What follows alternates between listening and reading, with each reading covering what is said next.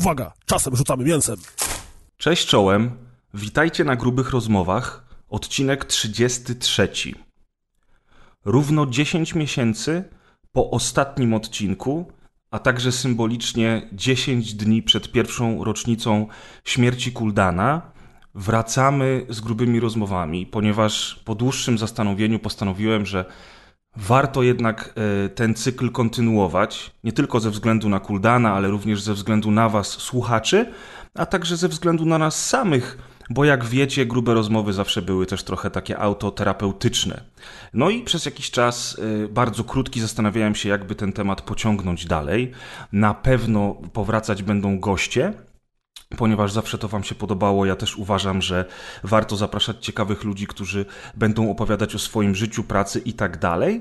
Ale na ten moment y, postanowiłem wybrać y, nowego wingmana do głównego cyklu i oczywiście y, żadnych nawet wątpliwości nie było, kimże ta osoba będzie. Oto człowiek, który najczęściej występował z nami na grubych rozmowach, mój przyjaciel oraz założyciel podcastu Rozgrywka, Amadeusz Łaszcz, czyli Deusz. Cześć, naprawdę najczęściej? Wydawało najczęściej. Się, że, czy, czy ze dwa razy to było najczęściej? Trzy razy byłeś, to było najczęściej, tak. Aha, no, no to w sumie 10% prawie. Tak jest, więc, więc byłeś kandydatem idealnym. Ja oczywiście nazywam się Grzegorz Wojewoda, czyli Pres Perez. Witamy Was y, na nowych, grubych rozmowach e, i Niestety zaczynamy. Tylko, muszę się tylko rozczarować, że od tamtego czasu chyba moja waga nie drgnęła. Tak jak no zresztą to... od jakichś powiedz, prawdopodobnie od, od 13 lat mi waga za bardzo nie drgnęła, więc to ostatnie 10 miesięcy nie jest jakimś super wyczynem. No to ja rozczaruję ciebie i słuchaczy, natomiast moja waga drgnęła i sporo schudłem. Może nie jest to jakiś spektakularny sukces i wynikał głównie ze stresu, a nie z moich wysiłków, ale jednak dosyć ostro zrzuciłem niedawno i mógłbyś, też już... Mógłbyś być coachem, że stresuj się, stresuj się, bierz na siebie du dużo tak. obowiązków, dzięki temu schudnie. Nie musisz chodzić na siłownię, wystarczy, że będziesz stresował. Dokładnie, a wątroba to wiesz, to trudno. Wątroba, wiesz, inne, inne problemy y, y, zdrowotne związane ze stresem, nieważne. Najważniejsze, że trochę schudłeś. To jest najważniejsze. Jak idziesz po ulicy, to przepraszam, czy ludzie, którzy się na ciebie patrzą, widzą, że jak jesteś szczupły, czy jakie masz inne problemy, przepraszam, bo twoją wątrobę? Otóż to, otóż, otóż to, moi to, drodzy. No. Pierwsza lekcja z dzisiejszych grubych rozmów liczy się tylko powierzchowność. Liczy się tylko wygląd zewnętrzny. Dokładnie. I wasze konto na Instagramie. E, w każdym razie, e, co ja chciałem powiedzieć, w ogóle a propos właśnie tego chudnięcia, niechudnięcia, stresu i wszystkich tych innych rzeczy, to na pewno jak się domyślacie, ponieważ grube rozmowy zawsze były bardzo e, takie intymne i często rozmawialiśmy o swoich prywatnych sprawach, ale też o problemach świata i w ogóle. Bardzo często narzekaliśmy, z czego zawsze żeśmy się śmiali też z Kuldanem, e, w związku z czym Teraz będzie podobnie. I dzisiejszy odcinek w ogóle będzie taki dosyć e, autoterapeutyczny, ale myślę, że też może przydać się naszym słuchaczom, dlatego że Kuldan zawsze powtarzał, że nawet jeżeli jedna osoba, tylko i wyłącznie jedna osoba wyciągnie coś z grubych rozmów, zmieni swoje życie albo zmieni swoje podejście, to już to będzie sukces. I to jest prawda. W związku z czym mam nadzieję, że dzisiejszy odcinek przyda się Wam, że może też macie jakieś swoje problemy, przez które przechodzicie, a w dobie pandemii na pewno macie jakieś problemy, przez które przechodzicie, więc ja na pewno dzisiaj dużo opowiem o sobie, przepraszam. E, na pewno Deusz, Ty też masz parę rzeczy, które chciałbyś poruszyć. Które chciałem powiedzieć o tobie. O, albo o mnie, dokładnie. W związku z czym, e, no to co, zaczynamy. 33 grube rozmowy. Co masz dla nas na początek, Amadeusz? E, na początek muszę tutaj zdradzić trochę kuchni, że e, niejako zmusiłeś albo wymusiłeś na mnie to, że oprócz narzekania w grubych rozmowach musi być jakiś pozytywny temat i musimy zacząć jakimś pozytywnym tematem. Tak, bo y, z czego to wynika? Wynika to z tego, że mamy całkiem sporo nowych słuchaczy, którzy pojawili się na przestrzeni ostatniego roku w związku z czym oni na pewno też po grube rozmowy sięgną. Jeżeli jeszcze nie sięgali po poprzednie odcinki, to być może zaczną i nie chciałbym ich straszyć, zaczynając od, wiesz, tego grubego gówna, które później na pewno poleci. Dobra, czyli, czyli póki jeszcze nie mówimy, że świat nas nienawidzi. I my świata. To, i tak, to przede wszystkim, to nawet z większą wzajemnością niż świat nas, e, to warto powiedzieć o czymś pozytywnym i w sumie wpadł mi do głowy taki temat, o którym też pisałem gdzieś tam wcześniej na Twitterze i w sumie nawiązuje trochę nawet do naszej ostatniej rozmowy na rozgrywce o wyjściach do kina, e, a mianowicie takim programie, mm, który jest realizowany we Wrocławiu, ponieważ mieszkam we Wrocławiu, który się nazywa Nasz Wrocław, ale po kolei. E, ogólnie sposobów na aktywizację społeczną e, w, do, dla jakiegoś wyższego dobra e, jest całkiem sporo i zwykle te różne programy społeczne raczej są niewypałami. W ostatnim roku mieliśmy chociaż dwa, mieliśmy takie dwa duże, czyli e, pewnie kojarzysz, czyli spis ludności i za wypełnienie spisu ludności można było wziąć udział w loterii gdzie były do wygrania jakieś tam nagrody, nie wiem, hulajnogi, samochody, jakieś pewnie bony pieniężne. To było w zeszłym roku, a nie w tym? Y, ale jeszcze chyba w tym roku siebie było można cały czas zapisywać, więc to chyba było i w zeszłym, i w tym. Okej. Okay. No w każdym razie w ciągu ostatniego roku, o powiedzmy, w ciągu ostatnich miesięcy. No oraz drugi oczywiście podobne, y, bardzo podobnego typu loteria szczepionkowa, tak, która miała e, teoretycznie zachęcić ludzi do tego, żeby się szczepili e, przeciwko wirusowi COVID-19. No i oczywiście takich kampanii społecznej pewnie jakbyśmy się przyjrzeli gdzieś tam e, w tył e, w skali globalnej, lokalnej było mniej lub więcej, ale między innymi jedną z takich kampanii społecznych, która jest prowadzona tutaj na terenie Wrocławia, żeby zachęcić mieszkańców po prostu do mm, płacenia podatków we Wrocławiu, czyli do rozliczeń E, rocznych e, PIT-u e, we Wrocławiu, bo jak pewnie zdajesz sobie sprawę, albo jak pewnie słuchacze z większych miast też sobie zdają sprawę, duże miasta borykają się z takim problemem, że bardzo wiele osób mieszkających w okolicach dużych miast tak naprawdę E, e, mieszka i pracuje powiedzmy we Wrocławiu, czy też w Trójmieście, tak, gdzieś na Śląsku, w Warszawie, Poznaniu, mhm. e, mieszka, pracuje, a tak naprawdę powiedzmy od tych 10 lat jest zameldowana jeszcze w swoim pierwotnym miejscu zamieszkania, czyli powiedzmy w miejscowości tam oddalonej o ileś kilometrów, tak, czy o, o, o ileś naście, czy o ileś set od tego pierwotnego miejsca, więc tak naprawdę nigdy się nie chce zmieniać tego adresu podatkowego rozliczeń, tak naprawdę się rozlicza gdzie indziej. I ten, no tak. problem, I ten problem w Polsce jest bardzo dotkliwy, no i duże miasta przez to, że mają tyle osób, te budżety są nadszarpnięte. No i jest taki program Nasz Wrocław, który obowiązuje już od jakiegoś czasu, e, który e, mm, pozwala ci jako, mm, jako podatnikowi, jesteś identyfikowany po numerze PESEL jako podatnik wrocławski e, i otrzymujesz kartę Nasz Wrocław. I karta Nasz Wrocław to jest taka karta zniżkowa do instytucji, które współpracują z miastem w ramach tego programu. E, pierwsza sprawa jest taka, że w ciągu roku ta aplikacja daje ci 7 takich, można powiedzieć, tokenów czy kuponów, i każdy z tych kuponów możesz zużyć na takie atrakcje, jak na przykład jeden kupon to są dwie darmowe godziny w aquaparku. Albo to jest bilet do Zoo Wrocławskiego, gdzie bilet do Zoo Wrocławskiego kosztuje ponad 50 zł. Albo wejście do Muzeum e, Wody Hydropolis, też bilet kosztuje około 300 zł. Albo jeden kupon to jest jeden bilet na mecz Śląska-Wrocław z ekstra klasy. Albo to jest zwiedzanie hali stulecia i tak dalej, i tak dalej. Więc A, jest kilka i, instytucji. I jeden że... kupon dostaje się za co? Y, po prostu 7 kuponów rocznie masz do wykorzystania. Okej. Okay. Czyli masz 7, 7, łącznie 7 tokenów, ale oprócz tego masz hmm. do praktycznie większości instytucji kulturalnych, nie wiem czy byś znalazł y, jakikolwiek teatr albo jakikolwiek e, teatr, tudzież, e, nie wiem, operę albo jakąś instytucję kultury, muzeum i tak dalej, które nie współpracuje z tą aplikacją i nie daje co najmniej 20% zniżki na bilety z tą aplikacją. Więc e, standardowo, bez problemu, płacąc podatki we Wrocławiu, można iść do kina, gdzie bilet kosztuje do kina w Nowych Horyzontach Wrocławskich powiedzmy 20 chyba 2 albo 24 zł w weekendy wieczorem, bo to jest wyższa stawka, wiadomo. Y, te bilety kosztują, z, jak płacisz podatki, kosztują 16 zł i na jedną kartę jeszcze możesz kupić na dany spektakl y, dwa bilety.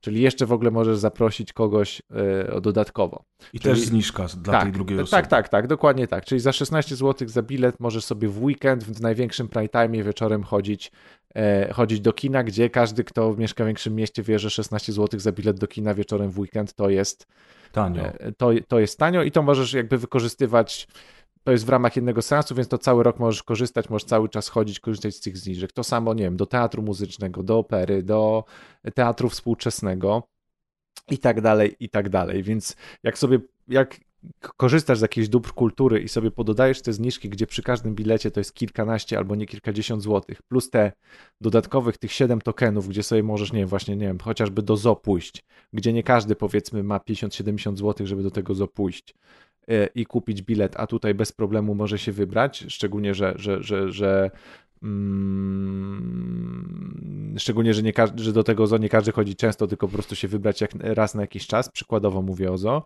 mhm. no to tak naprawdę tych, tych, tych korzyści to ci się zbiera naprawdę, jakby tak policzyć, usiąść z arkuszem kalkulacyjnym i policzyć, to to jest naprawdę program, który zauważasz, że jest, e, że jest po prostu dla opłacalny. ciebie opłacalny. Dodatkowo jak dojeżdżasz na przykład z lokalnych miejscowości do pracy pociągiem, E, i masz wykupiony bilet na koleje dolnośląskie, czyli no taki bilet miesięczny kolejowy, to z kartą nasz Wrocław dodatkowo możesz jeździć za złotówkę, masz bilet miesięczny na miejską komunikację, czyli autobusy, tramwaje, tak?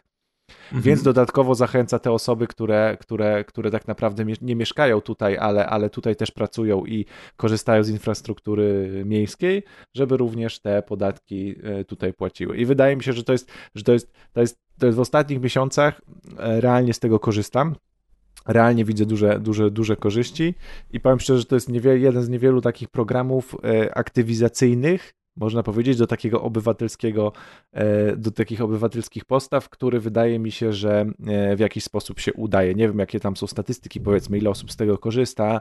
E, nie wiem, ma zainstalowaną aplikację, zarejestrowało się w systemie, kupiło bilety ze zniżkami, ale, ale, ale mówię, jeśli ktoś jest, jeśli ktoś jest z Wrocławia, to, to warto się zainteresować, a jeśli ktoś nie jest, to, to już wie, że w niektórych, że da się to w taki sposób zorganizować i, i w taki sposób zachęcić um, no, lokalną do społeczność do jakiej, tak, tak, tak. Do w, w ogóle do, miejscu. Do, do jakiejś rozsądnej postawy obywatelskiej, nawet można powiedzieć w szerszym kontekście. No tak, no 7 kuponów rocznie plus zniżki przez cały rok tego typu to jest faktycznie atrakcyjna oferta, ale ja rozumiem, że to też jest oferta dla mieszkańców, którzy mają obywatelstwo od urodzenia. Yy, tak, tak, tak. No po prostu, po prostu musisz mieć jakby, jakby, no musisz mieć PITA rozliczonego za zeszły rok w którymś z urzędów skarbowych we Wrocławiu. To u mnie jest sytuacja nieco inna, ponieważ ja nigdy nie zmieniłem adresu zameldowania tego moich rodziców. Natomiast, no bo jak tam mieszkałem gdzieś za granicą, to zazwyczaj mieszkałem krótko, po kilka miesięcy. Potem mieszkałem e, przez rok ze współlokatorką, aż w końcu wyprowadziłem się do Gdyni i wynajmowałem tam mieszkanie przez te ostatnie 7 czy 8 lat. E, zanim wróciłem do Wrzeszcza i jakoś nigdy nie przepisałem tego adresu zameldowania, no bo to nigdy nie, to, to zawsze było tymczasowe, prawda? To ja tylko, bo może, bo może się pojawią od razu jakieś wyjaśnienia w komentarzach, to ja od razu powiem tobie również i wyjaśnię słuchaczom. Przede wszystkim tak, Polsce nie ma obowiązku meldunkowego, to jest raz, nie musimy być nigdzie zameldowani, to tak jak zgadza. w całej Unii Europejskiej.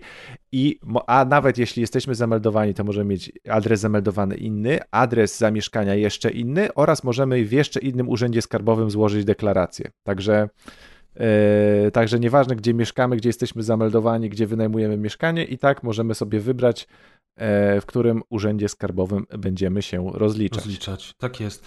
No poza tym wiesz, no Trójmiasto jakby jest, okej, okay, to są inne oczywiście, e, to są inne oczywiście części, Gdynia i Gdańsk to nie jest to samo, natomiast po prostu to było, to nigdy nie było tak daleko, żebym ja myślał o tym, żeby się przemeldować. Natomiast teraz rzeczywiście jak już mieszkam na swoim, kupiłem to mieszkanie, to e, czas. To warto, żeby ten... jedna osoba tam mieszkała. Tak, dokładnie, więc jakby czas się przemeldować, zrobię to na pewno na początku przyszłego roku. chyba, że woli, żeby ochoty. ci cały czas rodzice za śmieci płacili.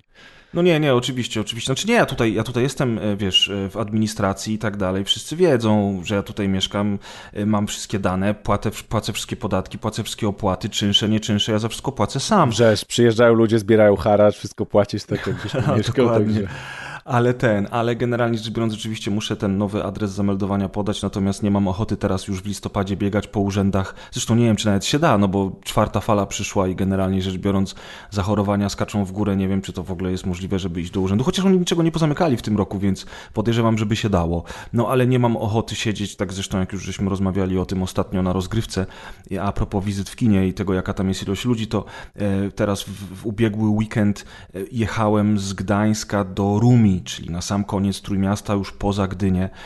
Jechałem pociągiem w obie strony i nie mam najmniejszej ochoty jechać znowu SKM-ką nigdzie w najbliższym czasie, dlatego że ktoś genialny wpadł na pomysł, żeby w trakcie pandemii w sobotę puszczać SKM-kę w jedną stronę co godzinę, w związku z czym na, na peronie było tylu ludzi, co w Indiach, wiesz, że prawie spadali na tory i mm. po prostu w tym pociągu był taki ścisk, że, że, że no ledwo tam szło wejść. No i oczywiście co najmniej połowa ludzi, jak nie więcej, była bez maseczek, w związku z czym taka podróż godzinna w jedną stronę, a potem w drugą stronę w tym tłoku e, w listopadzie już, kiedy jest 15 tysięcy zarażeń, czy ile tam teraz mamy, no to faktycznie nie było nic przyjemnego. Natomiast temu komuś, kto rozpisuje rozkład jazdy na weekendy w trakcie czwartej fali, gratuluję pomysłu, żeby puszczać pociągi co godzinę. No ale no niestety, żyjemy w Polsce. I tutaj, moi drodzy, chyba zaczynamy tę część grubych rozmów, na którą wszyscy czekali. Chyba, że masz, Amadeusz, jeszcze coś ciekawego do powiedzenia yy, w takich, z takich miłych, ciekawych rzeczy, którymi chciałbyś się z nami podzielić. Nie, no to już wydaje mi się, że i tak się bardzo wysiliłem, jeśli chodzi o... Dokładnie. To słuchajcie, ja bym chciał zacząć. Przepraszam cię, Deusz, e, ale, ale, ale mam pierwszeństwo. E, I generalnie rzecz biorąc, to może być dłuższy wywód, postaram się go skrócić. Y, oczywiście przerywaj mi i wtrącaj się, kiedy tylko będziesz chciał, natomiast spodziewajcie się monologu na ten moment, dlatego że ta historia, którą chciałbym Wam opowiedzieć, zaczyna się w grudniu 2019 roku. E, nie będę wdawał się w masę szczegółów, ale troszeczkę będę musiał. Tylko, że ona ma jakiś finał, ona ma jakiś morał, e, więc warto tego posłuchać. To jest historia z grubsza o moim balansowaniu na krawędzi e, depresji. I dlaczego zaczyna się w ogóle w grudniu 2019 roku, kiedy jeszcze wszystko było względnie dobre i wszyscy myśleliśmy, że, że jest, wszystko jest ok, tak? Prawie ok, ale, ale, ale jest, jest, jest całkiem spoko. Mm, ja w grudniu wziąłem bezpłatny urlop na miesiąc w grudniu 2019 roku, ponieważ uznałem, że potrzebuję odpoczynku trochę.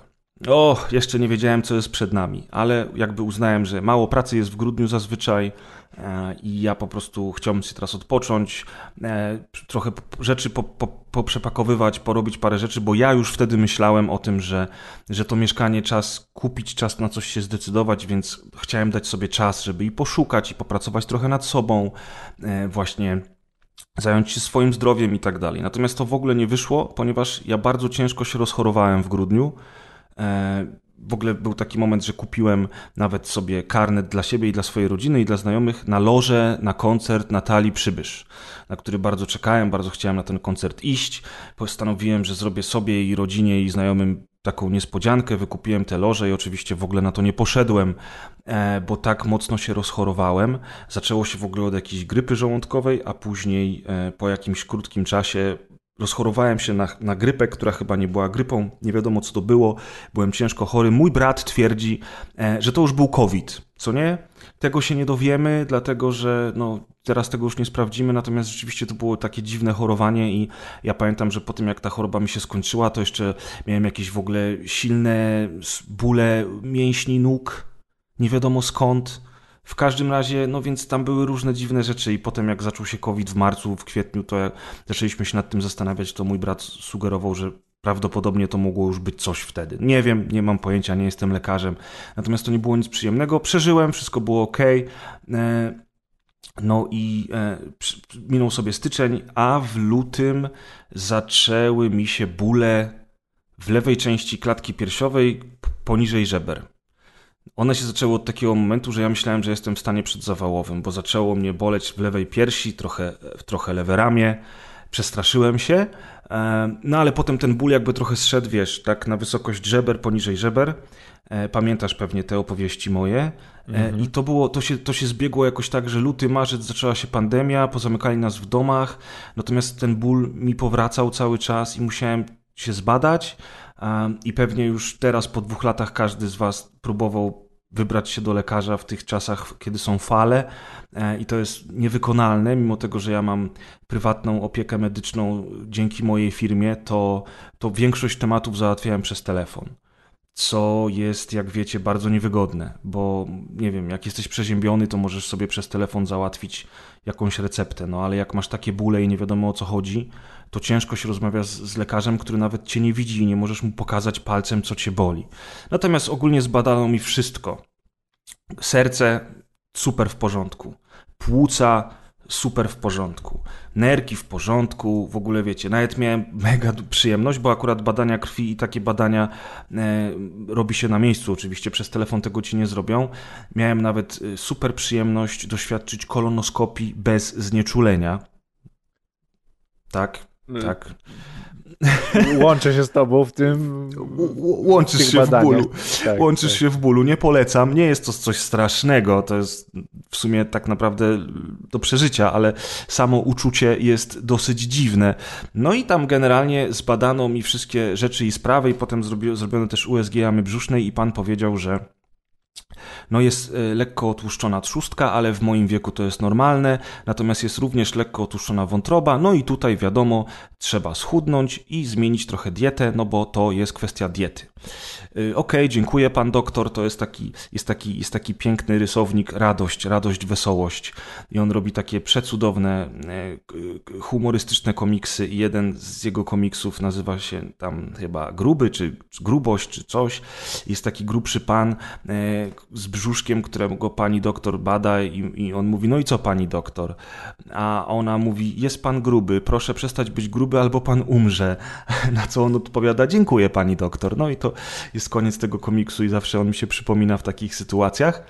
W każdym razie, no faktycznie facet powiedział, no, że dramatu nie ma, natomiast należałoby trochę zmienić tą dietę ze względu na wątrobę e, i ten i powiedział, że trzeba zrobić jeszcze badania toksykologiczne y, trzustki i wątroby, natomiast y, ja już mogę tam skontaktować się z odpowiednim lekarzem, żeby o tym porozmawiać, więc ja kolejny telefon, wiesz, dalej nikt nie, nic nie wie, nie, nie wiadomo co mi jest, skąd są te bóle. Dzwonię do pana lekarza, znowu te, teleporada, mówię mu właśnie o tym badaniu i o tych wszystkich symptomach i mówię, że teraz jeszcze czekam na wyniki badań toksykologicznych trzustki i wątroby, a pan doktor mówi, e, to od alkoholu. E, proszę przestać pić alkohol, bo pan umrze. Mamy takich w, w, około 40 lat w pana wieku mężczyzn na szpitalach, co umierają na moich oczach dziesiątki. I w ogóle opierdolił mnie z góry na dół, nie? I ja mówię do niego, ale proszę pana, ale no, Alkohol mi daje radość. Nie, ale wiesz, to nawet nie o to chodzi, bo okej, okay, no mieliśmy, mieliśmy ten, ten moment, kiedy chyba wszyscy siedzieliśmy w domach i każdy sięgnął po jakiegoś drinka albo po piwo. Ja nie, ja nie ukrywam, że ja nigdy nie stroniłem od kieliszka, jak były imprezy, nie imprezy, ale sobie myślę, kurwa, no ale ej, nawet jeszcze nie ma badań y, zrobionych toksykologicznych, no, a on mówi mi po prostu, nie widział mnie na oczy, nie? On nie wie, jak mhm. ja wyglądam nawet, nie? Ale wiesz, mówi do mnie, że jestem alkoholikiem i zaraz umrę, nie? Proszę przestać pić i w ogóle, bo pan umrze. Ja sobie myślę, kurwa, mać, ty, no coś się dzieje. No i oczywiście on zjebał mnie jak burą sukę i powiedział, że mam się do niego odezwać, jak będą te wyniki badań. Jak przyszły wyniki badań, to się okazało, że ani trzustka, ani wątroba nie mają żadnych odchyłów od normy.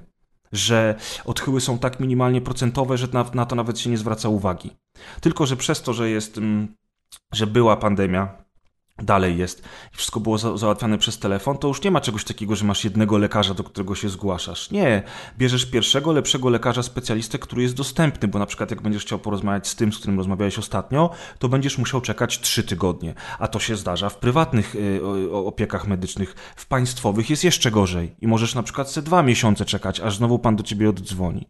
No a ponieważ ja czekać nie chciałem, to zadzwoniłem do innego, takiego samego specjalisty. Powiedziałem mu zresztą, co mi powiedział jego kolega po fachu parę dni wcześniej, wcześniej, zanim były wyniki. On mówi, panie, kurwa, pan nie ma żadnych odchyłów od normy, tam się nic nie dzieje. Mówi, tylko jest otłuszczona wątroba, okej, okay. nad tym musi pan, lekko otłuszczona, nad tym musi pan oczywiście popracować, natomiast cała reszta jest spoko. Ja mówię, no to co się ze mną, kurwa, dzieje, tak? Tak naprawdę. No i to trwało parę miesięcy. Już zaczynało się lato, w sumie 2020. I ten. No i okazało się, że to prawdopodobnie jest y, jelito e, drażliwe i mm -hmm. że to jest kwestia rzeczywiście... Zespół jelita drażliwego. Zespół jelita drażliwego, czy nawet zespół jelita nadwrażliwego teraz się mówi. No i generalnie rzecz biorąc, y, oni mi wytłumaczyli, że faktycznie... Bo, aha, bo jeszcze jakby ta kolonoskopia, to jest ważne, wiem, może to niektórych brzydzi, brzydzić, ale mm, jakby ten lekarz powiedział, że w ogóle tam te u mnie w jelitach to wygląda jakby one były nowe, nie? Bo tam są, wiesz, tam nie ma nic. Po prostu jest, jest on mówi, super jest, wszystko jest po prostu pięknie, jak, jak u dużo młodszego faceta. Więc ja mówię, no to ja już w ogóle nic nie rozumiem w takim razie. Mówię, naprawdę ja już nic nie rozumiem. No i oni w końcu doszli do wniosku, że to jest to, to jelito, zespół jelita nad, nadwrażliwego, no i że to jest kwestia stresu, ale też oczywiście diety, więc tam tabletki, wiesz, na wątrobę, na, na, na trzustkę, na trawienie, przez tam miesiąc czy dwa brałem, zmieniłem jedzonko, dzięki temu, że już, yy, nie, jeszcze wtedy nie mieszkałem u rodziców, do rodziców się wprowadziłem dopiero na początku listopada, no to nieważne, jeszcze nie mieszkałem wtedy, ale rzeczywiście zacząłem, zacząłem o to wszystko dbać i to rzeczywiście mi się tam jakoś tam wyrównało, uspokoiło, natomiast rzeczywiście życie zweryfikowało, że to prawdopodobnie jest to, e, bo ten, e, te bóle wróciły mi po śmierci Kuldana, natychmiast, nie? I przez pierwszy miesiąc chyba od jego śmierci te bóle miałem znowu, y, a później, później teraz niedawno po rozstaniu y, z moją partnerką y, też te bóle mi wróciły, no tak, że widać jakby, że to jest, to jest kwestia nerwowa, nie? I dlaczego w ogóle o tym mówię? Dlatego, że to był taki to był taki pierwszy poważny w moim życiu jakiś zdrowotny, znaczy poza plecami, które mam chore oczywiście od, od dziecka, ale, ale taki, taki faktycznie temat, który mnie przemaglował dosyć mocno, bo ja nie wiedziałem, co się ze mną dzieje, lekarze nie wiedzieli, co się ze mną dzieje. I też jakby w trakcie pandemii te badania były bardzo utrudnione. I powiem Ci szczerze, Deusz, że, że faktycznie poczułem jakby ten dyskomfort, czy nawet lekki niepokój związany właśnie z tym, że ty nie możesz normalnie pójść do tego lekarza i się e, po prostu u niego pokazać. Bo na przykład po tej całej akcji z tym lekarzem, który przez telefon mi powiedział, że jestem alkoholikiem i boli mnie tak naprawdę cały czas trzustka, e, spotkałem się z moim kuzynem z Niemiec, który jest chirurgiem. I opowiedziałem mu tę historię i on mówi, pokaż mi, gdzie cię boli. I ja mu pokazałem, wiesz, palcem dokładnie pod lewym mhm. żebrem. I on mówi, stary, mówi, to jest tak daleko od trzustki, że to jest niemożliwe, że boli cię trzustka. I ten facet po prostu pieprzy głupoty. No ale niestety, no jak on nawet nie może cię zobaczyć, ten lekarz, tylko gada z tobą przez telefon, no to, no to co zrobisz, nie? Ty też miałeś w ogóle jakieś przeboje przecież zdrowotne, nie musisz o nich opowiadać oczywiście, ale, ale na pewno wiesz, e, jak to dzisiaj wygląda, prawda? Tak, tak, tak. No też miałem dwa zakrzepy usuwane w przeciągu ostatnich 12 miesięcy, także i też oba prywatnie, no bo przecież usunięcie pandemii normalnie w szpitalu, gdzie się nie jest w grupie, że tak powiem, ryzyka, bo też nie wiem, czy się kiedyś z tym spotkałeś, ale w szpitalu jak jesteś, nie masz, nie wiem, tam 40 czy 50 lat, oczywiście teraz strzelam, to termin jakiejkolwiek operacji albo zabiegu to dostajesz na zanigdy. No tak. Bo, to znaczy ja to rozumiem, bo jakby ja nie będę się wpychał w kolejkę przeciwko, wiesz, przed osoby, które mm, rzeczywiście tego bardziej potrzebują, nie? Ale jak masz coś, co ci w ogóle utrudnia funkcjonowanie co dzień i się dowiadujesz, że za trzy miesiące w ogóle się masz pytać o termin, no tak. to no to jest absurdalne, więc, więc... No niestety. Dokładnie. Moja babcia, słuchaj, y, jak tylko ruszyła pandemia w marcu 2020, to miała termin y, usuwania przepukliny, a przepukliny dostała dlatego, że babcia miała nowotwór, ten nowotwór był za jelitami, jelita trzeba było rozciąć, nowotwór wycięli, ale jelita, jelity nie zszyli. Powiedzieli, że przez pierwszy rok babcia będzie chodziła ze stomią, e, i muszą te jelita zostawić y, w ten sposób, bo coś tam musi się zagoić i w ogóle tak szybko ich zszywać nie można, bla bla bla. No i po roku powiedzieli jej, że oni już jej nie zszyją tych jelit nigdy, bo ona jest za stara na to i to w ogóle jest ryzykowne. Czyli tak naprawdę rok wcześniej robiąc to doskonale o tym wiedzieli, tylko ją okłamali. I powiedzieli, że ona z tą stomą już do końca życia będzie chodzić. Co jak wiesz, dla kobiety, nieważne w jakim wieku, jest uwłaczające. Zresztą dla każdego to by było uwłaczające, przykre i po prostu trudne. Więc babcia to dosyć źle przeżyła, no ale zniosła to jakoś. Natomiast od tego wszystkiego dostała ogromnej przepukliny. E, wywaliło jej brzuch i właśnie w marcu 2020 miała mieć operację usuwania tej przypukliny. Oczywiście ruszyła pandemia, dostała informację, że e, operacja jest przesunięta na nigdy, na zasadzie w ogóle może kiedyś, wiesz.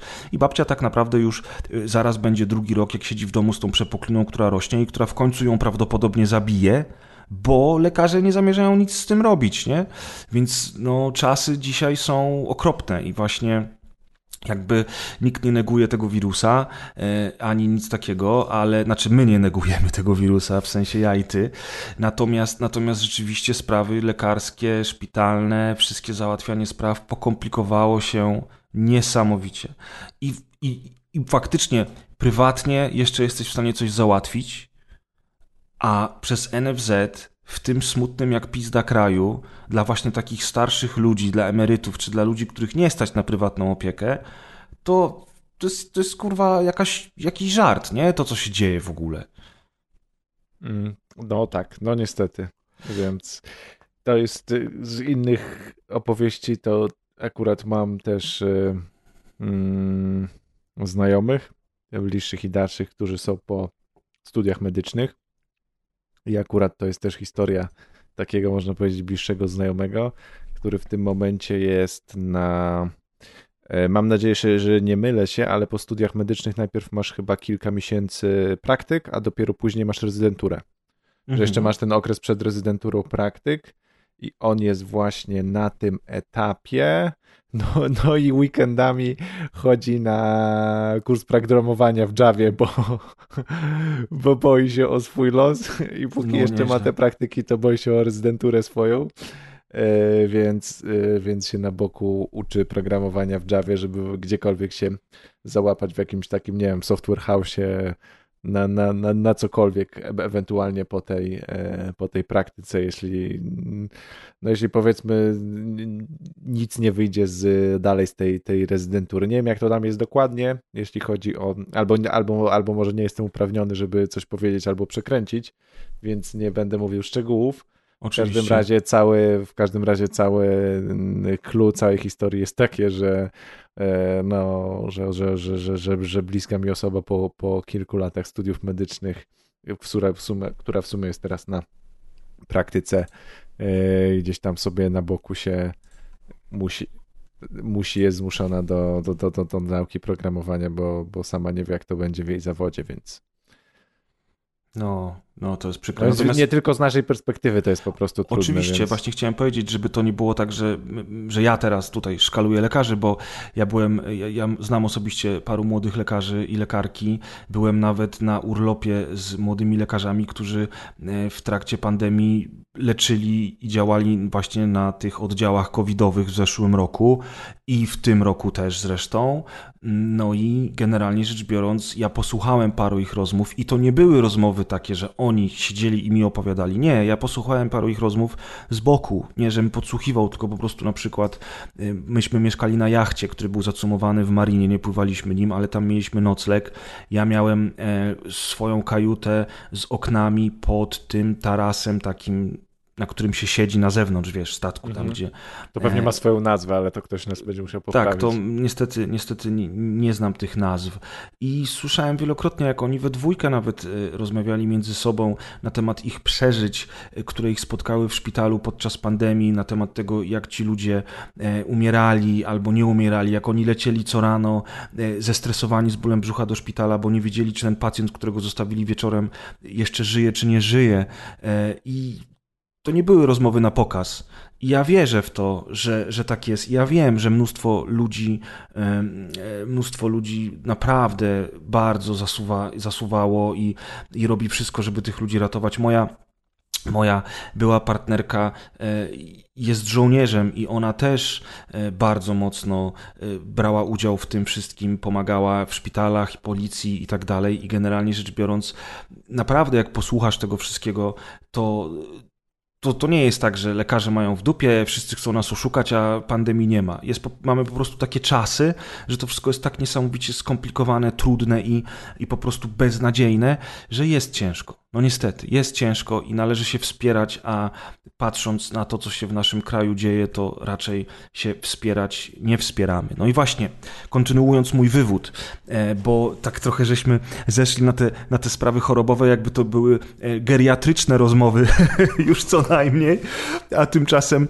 To już a teraz tymczasem, Polaków wiesz, rozmowy były. Teraz tak, o, albo właśnie. Druga rzecz, jakby, czyli jakby ten początek był taki, że te stresy związane z, tym, z tą chorobą to był taki, taki pierwszy, to był tutorial, o, nazwijmy to tutorialem, to był taki samouczek przed tym, co miało przyjść. To na pewno mi się trochę odbiło na, na zdrowiu psychicznym, ale jakoś nieszczególnie, no, ostatecznie wszystko się dobrze skończyło. Natomiast druga rzecz, którą żeśmy wszyscy obserwowali, to jest to, co się dzieje w tym pierdolonym kraju i to, jak ludzie się zachowują. I e, w zeszłym roku, jak jeszcze żył Piotruś, to były marsze, protesty, y, by, by, by, było to prawo aborcyjne wprowadzone, którego skutki obserwujemy właśnie teraz, rok później. E, I jak zaczęło się, wtedy, już, ja już wtedy byłem na etapie, że zacząłem ograniczać social media do minimum, zrezygnowałem w ogóle z czytania czegokolwiek w internecie, co jest jakimikolwiek dyskusjami wojenkowymi w stylu PlayStation czy Xbox. Gwiezdne Wojny czy Star Trek. Odlajkowałem wszelkie tego typu rzeczy y, na Facebooku, bo uznałem, że nie chce mi się tego czytać, bo tam zawsze wylewa gnój. Nawet to kiedyś Kuldan się śmiał, jak ją powiedziałem, stary, kurczę, na tych grupach growych to zawsze ludzie rzucają się sobie do gardeł, a on powiedział na grupach growych, mówi, stary, wszędzie się sobie rzucają do gardeł. On mówi, po, podeślę ci parę przykładów różnych grup tematycznych, na których ludzie rzucają się sobie do gardeł. I nie zapomnę do końca życia grupy o chyba chyba peklowaniu szynki, czy cokolwiek to było, wiesz. To była grupa, to była grupa o przygotowywaniu jakichś potraw mięsnych i ktoś tam pisał, że on pekluje, nie wiem, teraz oczywiście wymyślam to z głowy, już nie pamiętam dokładnie na czym to polegało, że on tam soli i moczy przez 15 minut, a ktoś mu tam pisze w komentarzu, przez 15 minut ty jesteś pierdolnięty debilu, to się robi przez 25 minut, wiesz. Tak, dokładnie, ja jestem na podobnych grupach, na przykład jeśli chodzi o robienie chleba, to tam wystarczy wejść wiesz, w jakiś dowolnego posta, który ma co, co najmniej powiedzmy 30 komentarzy i tam już jest po prostu wojna, wojna. o temperaturę wody, albo w ogóle o pieczenie, albo no o wszystko tak naprawdę. Dokładnie, a co dopiero poważne sprawy. Więc ja zacząłem od odpuszczenia wszystkich popkulturowych dyskusji, bo uznałem, że to nie ma sensu. Ale w pewnym momencie musiałem też jakby w ogóle na Twitterze zrezygnować z wdawania się w jakiekolwiek dyskusje, bo e, Facebook jakby troszeczkę odpuściłem, ja tam tylko mam znajomych, widzę znajomych, widzę ich zdjęcia, składam życzenia urodzinowe, natomiast na Twitterze mm, mam mniejszą kontrolę nad tym, co mi się wyświetla, dlatego że tam nigdy mi się nie chce tych słów kluczowych wyciszać. No i ponieważ bardzo dużo moich znajomych jest zaangażowane społecznie czy politycznie, chociażby jak ty, to ja też widzę dyskusje tych ludzi albo komentarze, które, które on, te osoby piszą na Twitterze, w związku z czym widzę te wątki. I te wątki przez ostatnie dwa lata spowodowały, że ja straciłem już całkowicie wiarę w ludzkość.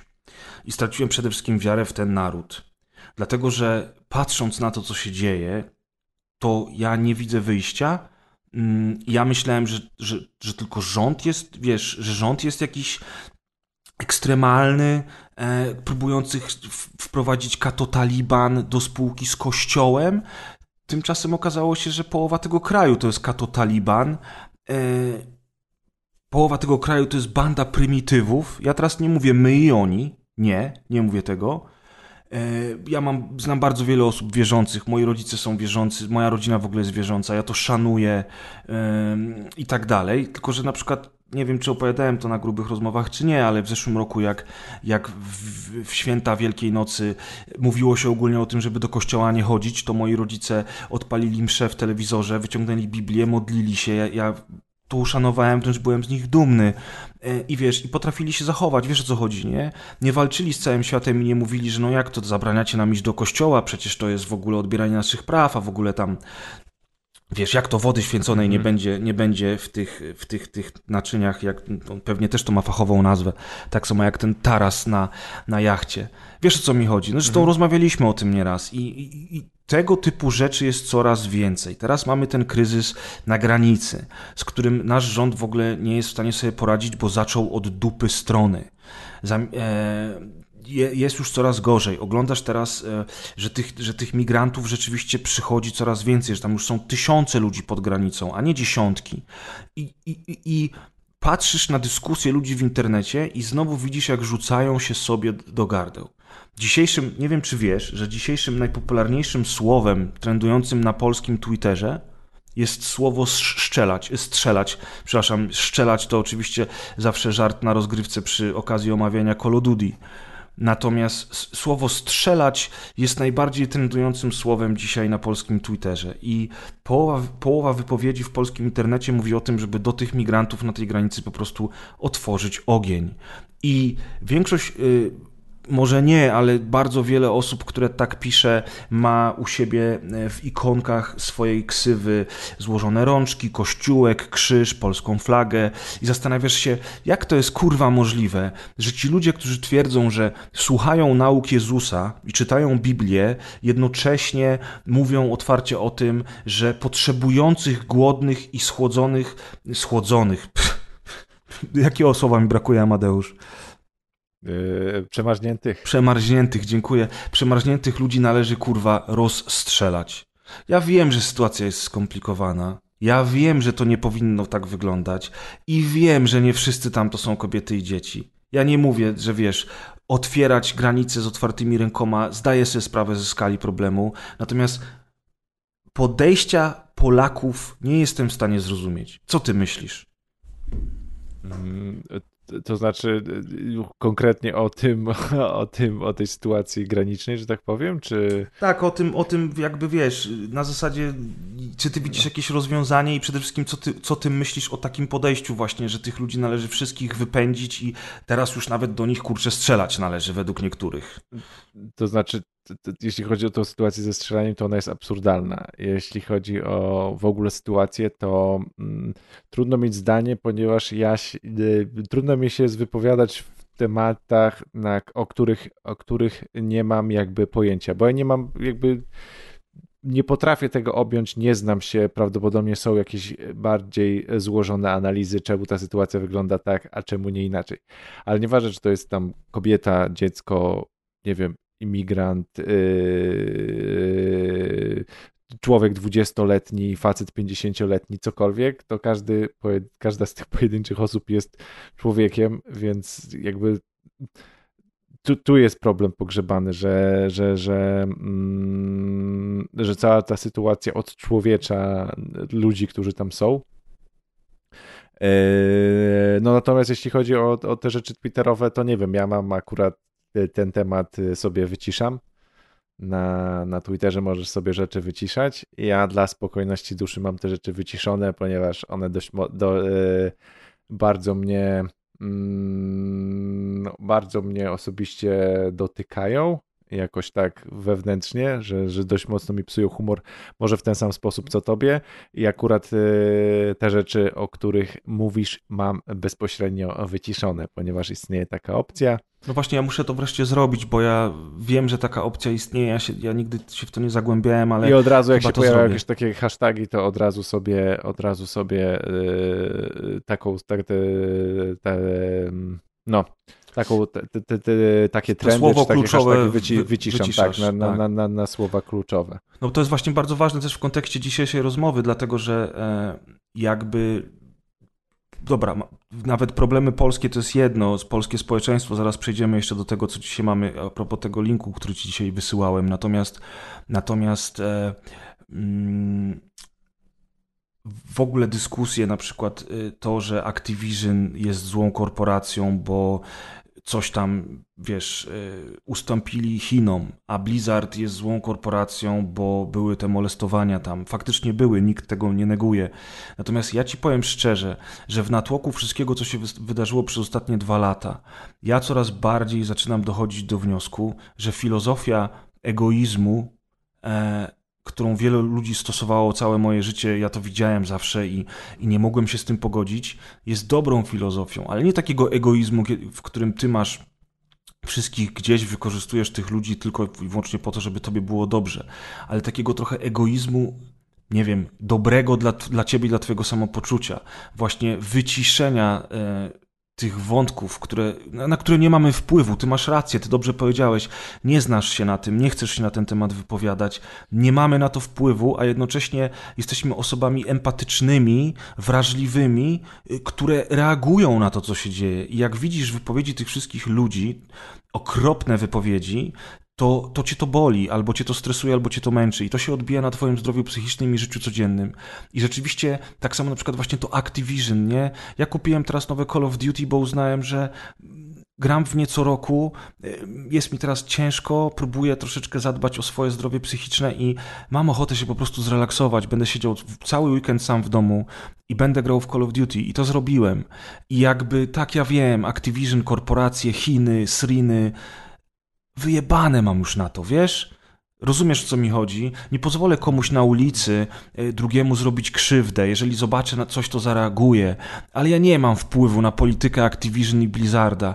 I mój bojkot niczego nie zmieni. Jakby nie wiem, możecie to oceniać jak chcecie, ale ja zawsze mówię o tym, że wiesz, że z jednej strony głośno mówimy sobie w internecie o tym, że należy bojkotować Activision, ale buty z Chin i kurtki z Chin wszyscy kupują. Wiesz o co chodzi?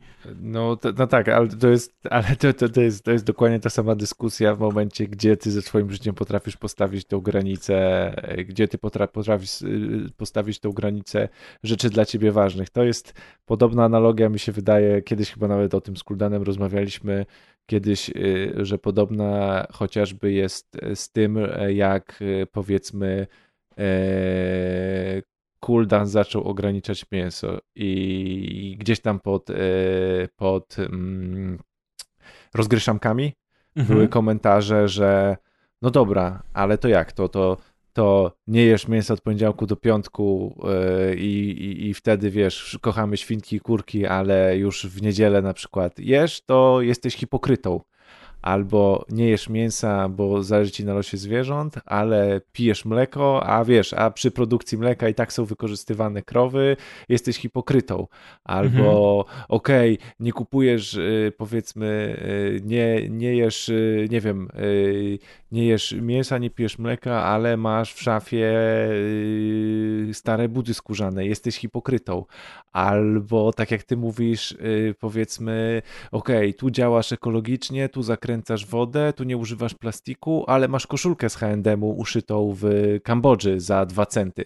Więc zawsze jest, więc jesteś hipokrytą, więc zawsze jest albo, więc zawsze jakby w tym takim opiniowaniu czyjegoś podejścia do życia zawsze masz to, że albo jesteś hipokrytą, bo zawsze gdzieś dalej przesuniesz tą granicę nieczerpania korzyści ze świata, tak? Czyli, czy, czyli tego, że zawsze gdzieś jest ta granica, że, że, nie stać cię, nie masz tyle czasu, żeby, nie wiem, mieć ekologiczne, żeby mieć wszystko ekologiczne, żeby nikomu nie szkodzić, e, żeby niczego nie wykorzystywać i tak dalej, i tak dalej, bo to by było dla ciebie bardzo trudne.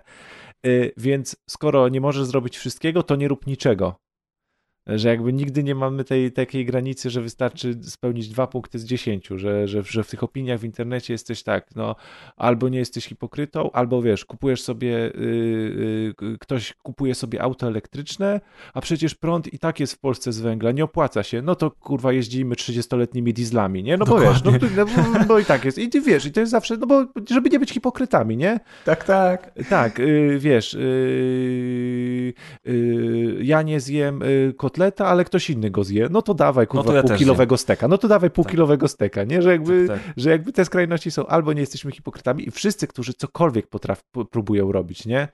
Cokolwiek, typu, nie wiem, kup, kupią, kupią koszulkę z H&M-u, ale nie kupią dwóch koszulek, nie? I dla nich to już będzie dużo na przykład, nie? Bo normalnie by kupili dwóch, dwie, ale się zastanowili i kupią jedną, nie? I to jest maksymalna rzecz w ich życiu, które potrafią zrobić, żeby żeby powiedzieć, dorzucić to ziarnko piachu, żeby na świecie było lepiej, nie? Tak. Ale na tą chwilę to jest maksymalna rzecz, którą oni potrafią zrobić.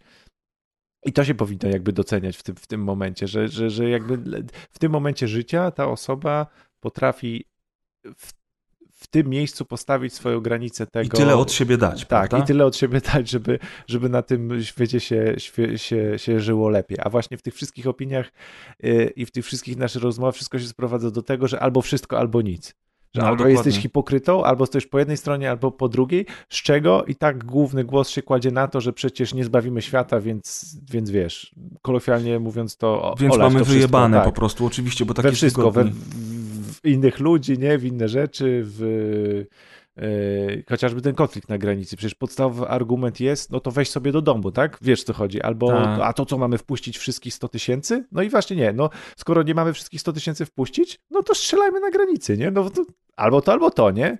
No, nie no, ma jakby w ogóle pośredniego. Tak, tak, tak. Mm -hmm. Nie ma w mhm. ogóle żadnego pośrodku w ogóle wyjścia, nie? No więc właśnie a propos tego, co mówisz, to czytałem w, chyba nawet w tym tygodniu całkiem ciekawy artykuł o tym, że właśnie nie powinniśmy, nie musimy wszyscy teraz przestać jeść mięso, ale fajnie by było, gdybyśmy zaczęli je ograniczać.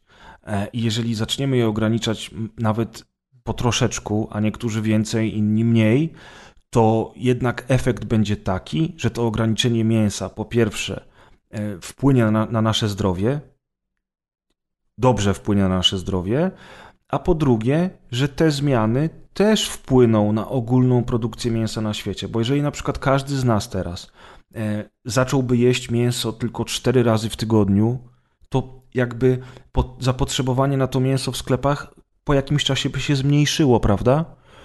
No tak, tak, no ale mówię, to są dużo szersze problemy i to wiesz, to nie jest tak, wiadomo, że jest 7 miliardów ludzi i, i, i, i te problemy są dużo, dużo większe, tak jak wiesz, problemy ekologiczne, gdzie masz zużycie wody, gdzie e, ty przy myciu zębów sobie zakręcisz kran albo nie weźmiesz kąpieli, a weźmiesz prysznic, ale jak sobie popatrzysz na statystykę, to i tak się możesz załamać, bo wiesz, 70% całkowitego zużycia wody to jest przemysł, tak, powiedzmy mhm. w Polsce, czyli 70% z całego, to jest, to jest w ogóle tylko i wyłącznie przemysłowe zużycie wody, a z czego z tych 70% ponad połowa to jest tylko i wyłącznie chłodzenia w kopalniach, nie? W sensie, wiesz, w elektrowniach. Tak. Więc jakby i ty sobie myślisz, że wiesz, że, że, że, że nawet jakby każdy człowiek, załóżmy, nie wziął kąpieli czy, czy, czy, czy, czy tego prysznica, to i tak by było ziarnko w, w, w morzu tego problemu, ale to nie znaczy, że tego ziarnka tam nie warto dorzucać, żeby, bo świat się może zmienić, te proporcje się kiedyś muszą zmienić, nie? Jakby każdy, każdy, każdy, każde z tych, każde to ziarnko jest jakby istotne, więc mówię, tu jest, tu jest ta granica tu jest ta granica tego, tego przesuwania, co ty potrafisz w danym momencie w swoim życiu w swoim życiu zmienić, żeby, żeby na tym świecie się trochę, trochę lepiej żyło. Otóż to. To jeszcze, jak już narzekamy na ludzi, to wejdźmy w ten temat y, z linku ode mnie.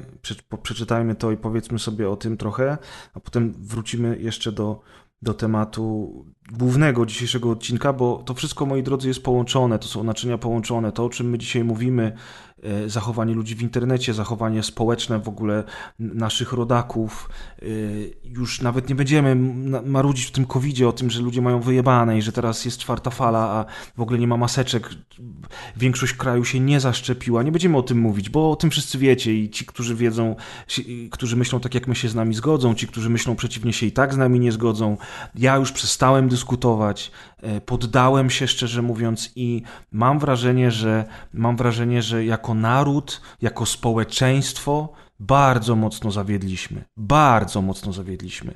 I to, co się dzieje dzisiaj, tylko i wyłącznie to pokazuje. I jak myślisz sobie teraz o rozbiorach, o takich rzeczach, to już w ogóle nie jesteś zdziwiony, nie? W ogóle. Bo ten naród tak już jest, tak już jest stworzony genetycznie po prostu. I zamiast się łączyć w takich chwilach, to jeszcze sobie dopierdalamy nawzajem. A mam wrażenie, że jakby każdemu z nas, niezależnie po której jest stronie, E, każdemu z nas te ostatnie dwa lata dały się właśnie w kość. Z tego względu też, jak patrzymy na to, jak, jak podzielony jest naród, jak rzucamy się sobie do gardeł, e, jak to wszystko wygląda i jak naprawdę wiele osób się nie przejmuje zupełnie e, zdrowiem i życiem drugiego człowieka, który stoi obok niego, który jest jego rodakiem, sąsiadem, czasami nawet kolegą, to po prostu witki kurwa opadają, nie? Ale co tu się dziwić, że mamy takie podejście, jeżeli, moi drodzy, znaczy mamy, my z Deuszem takiego podejścia nie mamy. Natomiast co tu się dziwić, że mm, ludzie mają takie podejście w tym smutnym jak pizda kraju, jeżeli, i teraz Deusz, co to jest eurobarometr? E, eurobarometr to jest e, taki projekt Komisji Europejskiej, Zresztą już od lat jest taki projekt Komisji Europejskiej, który zrzesza mm, różne e, organizacje, które przeprowadzają badania opinii społecznej w danych krajach. Zrzesza te organizacje i dzięki temu e, chyba dwa razy do roku, z tego co pamiętam, robione są e, takie, można powiedzieć, ogólnoeuropejskie badania tak socjologiczne na e, różne e, tematy. W Polsce, jeśli chodzi o Eurobarometr, to dla Eurobarometru mm, badania przeprowadza Kantar Polska. Więc, więc przeprowadza Kantar Polska. Metodologia jest taka, że tych badań, że w całym badaniu bierze udział 27 państw członkowskich.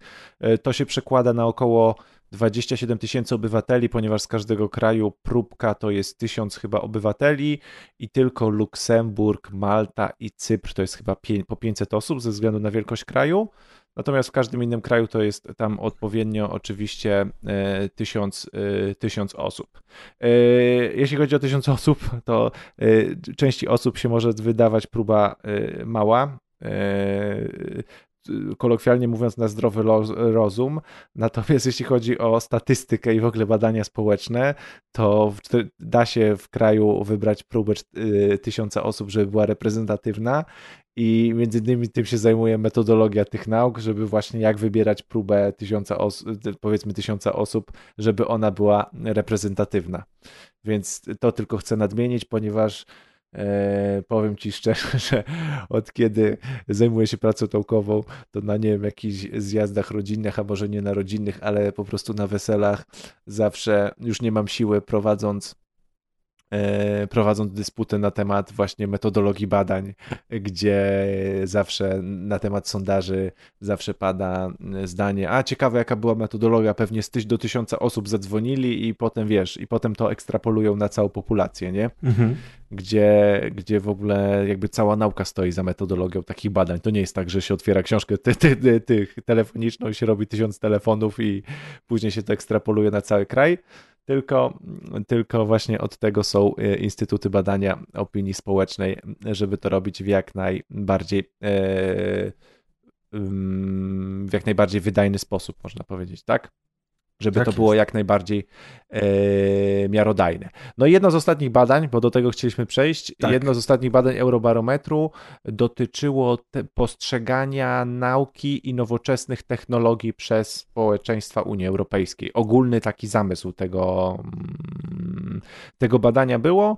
E, no, no i między innymi zamysł był taki, żeby właśnie nowoczesne technologie i, i tak jak mówię, i pojęcie nauki, wizerunku w ogóle nauki, potrzeby nauki w takim życiu codziennym, wizerunku naukowca i tak dalej.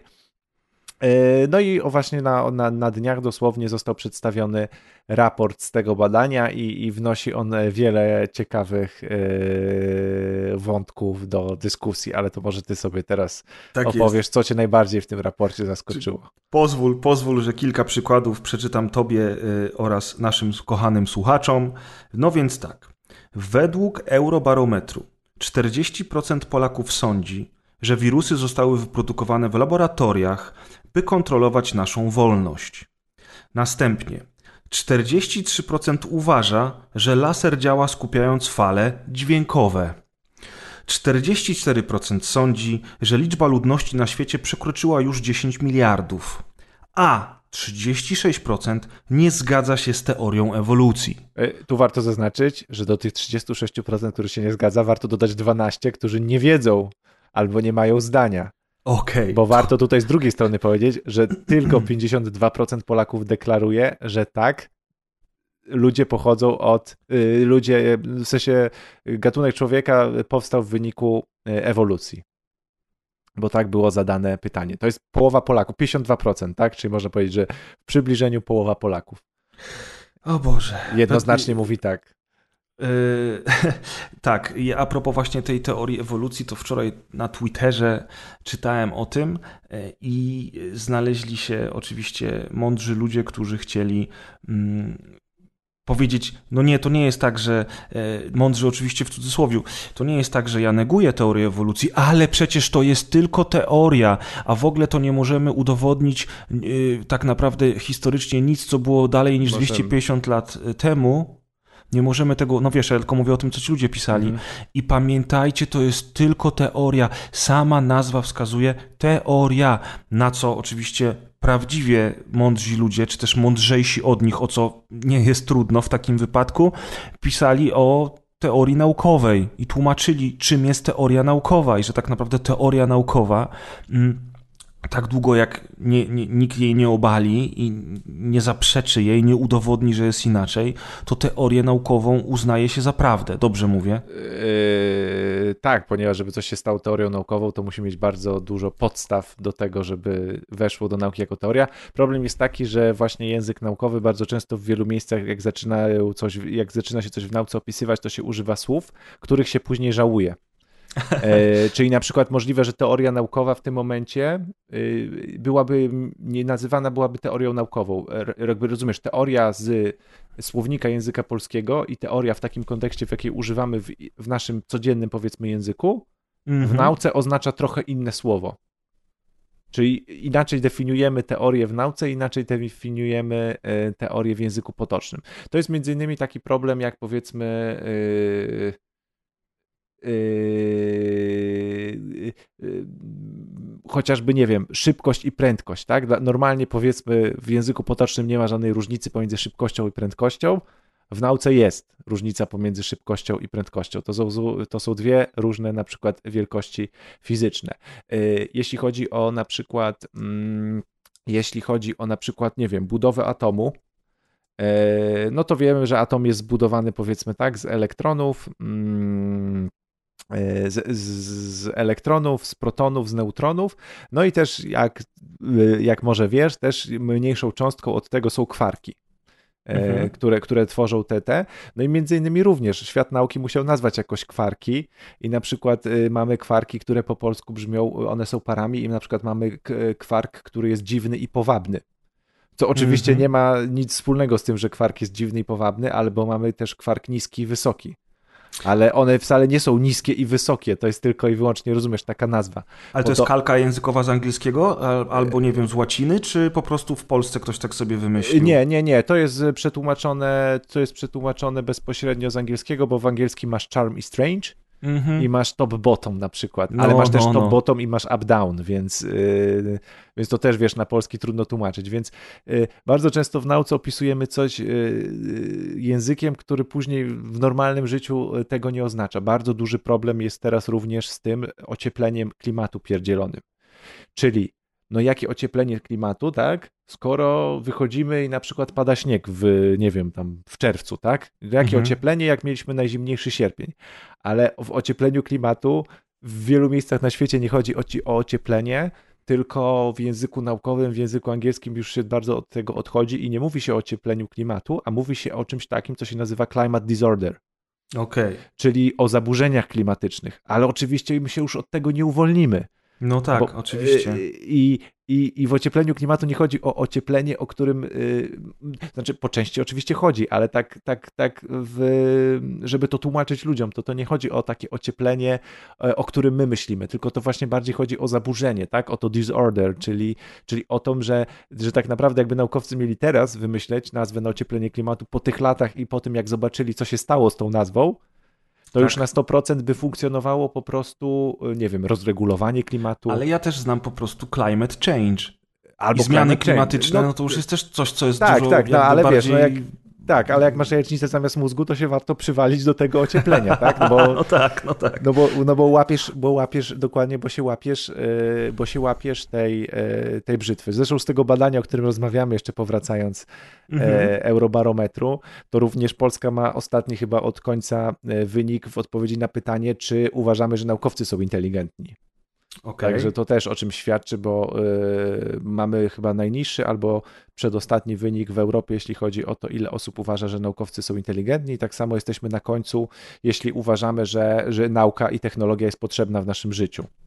E, nowoczesna. Poczekaj, ale że, że co, że, że, że Uważamy, ja pamiętam, że nie jest ale z tymi naukowcami jesteś pewien, że jest tak, jak mówisz? Bo mi się wydawało, że było wręcz odwrotnie właśnie, ale proszę, ja sprawdzę u źródła, bo nie chcę, nie chcę teraz Tak, już, już mam to przed oczami. 79% y, uważa, że naukowcy są inteligentni i to jest y, tylko przed Rumunią wynik, ponieważ 77% y, obywateli Rumunii uważa, że naukowcy są inteligentni i to jest czyli przedostatnie uważamy, miejsce. Czyli uważamy w 79%, że naukowcy są inteligentni, inteligentni tak, ale w takich państwach negujemy... jak Irlandia, Czechy, Holandia, Portugalia, Hiszpania, ten wynik to jest na poziomie 97-98%. Okej, okay. ale co jest ciekawe, że skoro 79% Polaków uważa, że naukowcy są inteligentni, to skąd e, te, to, to, całe negowanie tak naprawdę nauki, które u nas jest w tej chwili już tak, tak bardzo widoczne, że bardziej się nie da. Skoro, skoro, z kolei jesteśmy w topie, czyli na drugim miejscu, jeśli chodzi o pytanie, czy uważamy, że naukowcy są aroganccy i 46% Polaków uważa, że naukowcy są aroganccy. No, no, to jest, ale to jest właśnie mentalność Polaków. To jest, to jest typowa mentalność Polaków, nie? Więc, yy, więc, yy, więc to badanie, ale, ale dosłownie kilka miesięcy temu również było badanie, wspomniałem o tym ociepleniu klimatu. Yy, I o ociepleniu klimatu również było badanie zrobione, chyba było opublikowane w czerwcu, również jest dostępny raport z tego badania.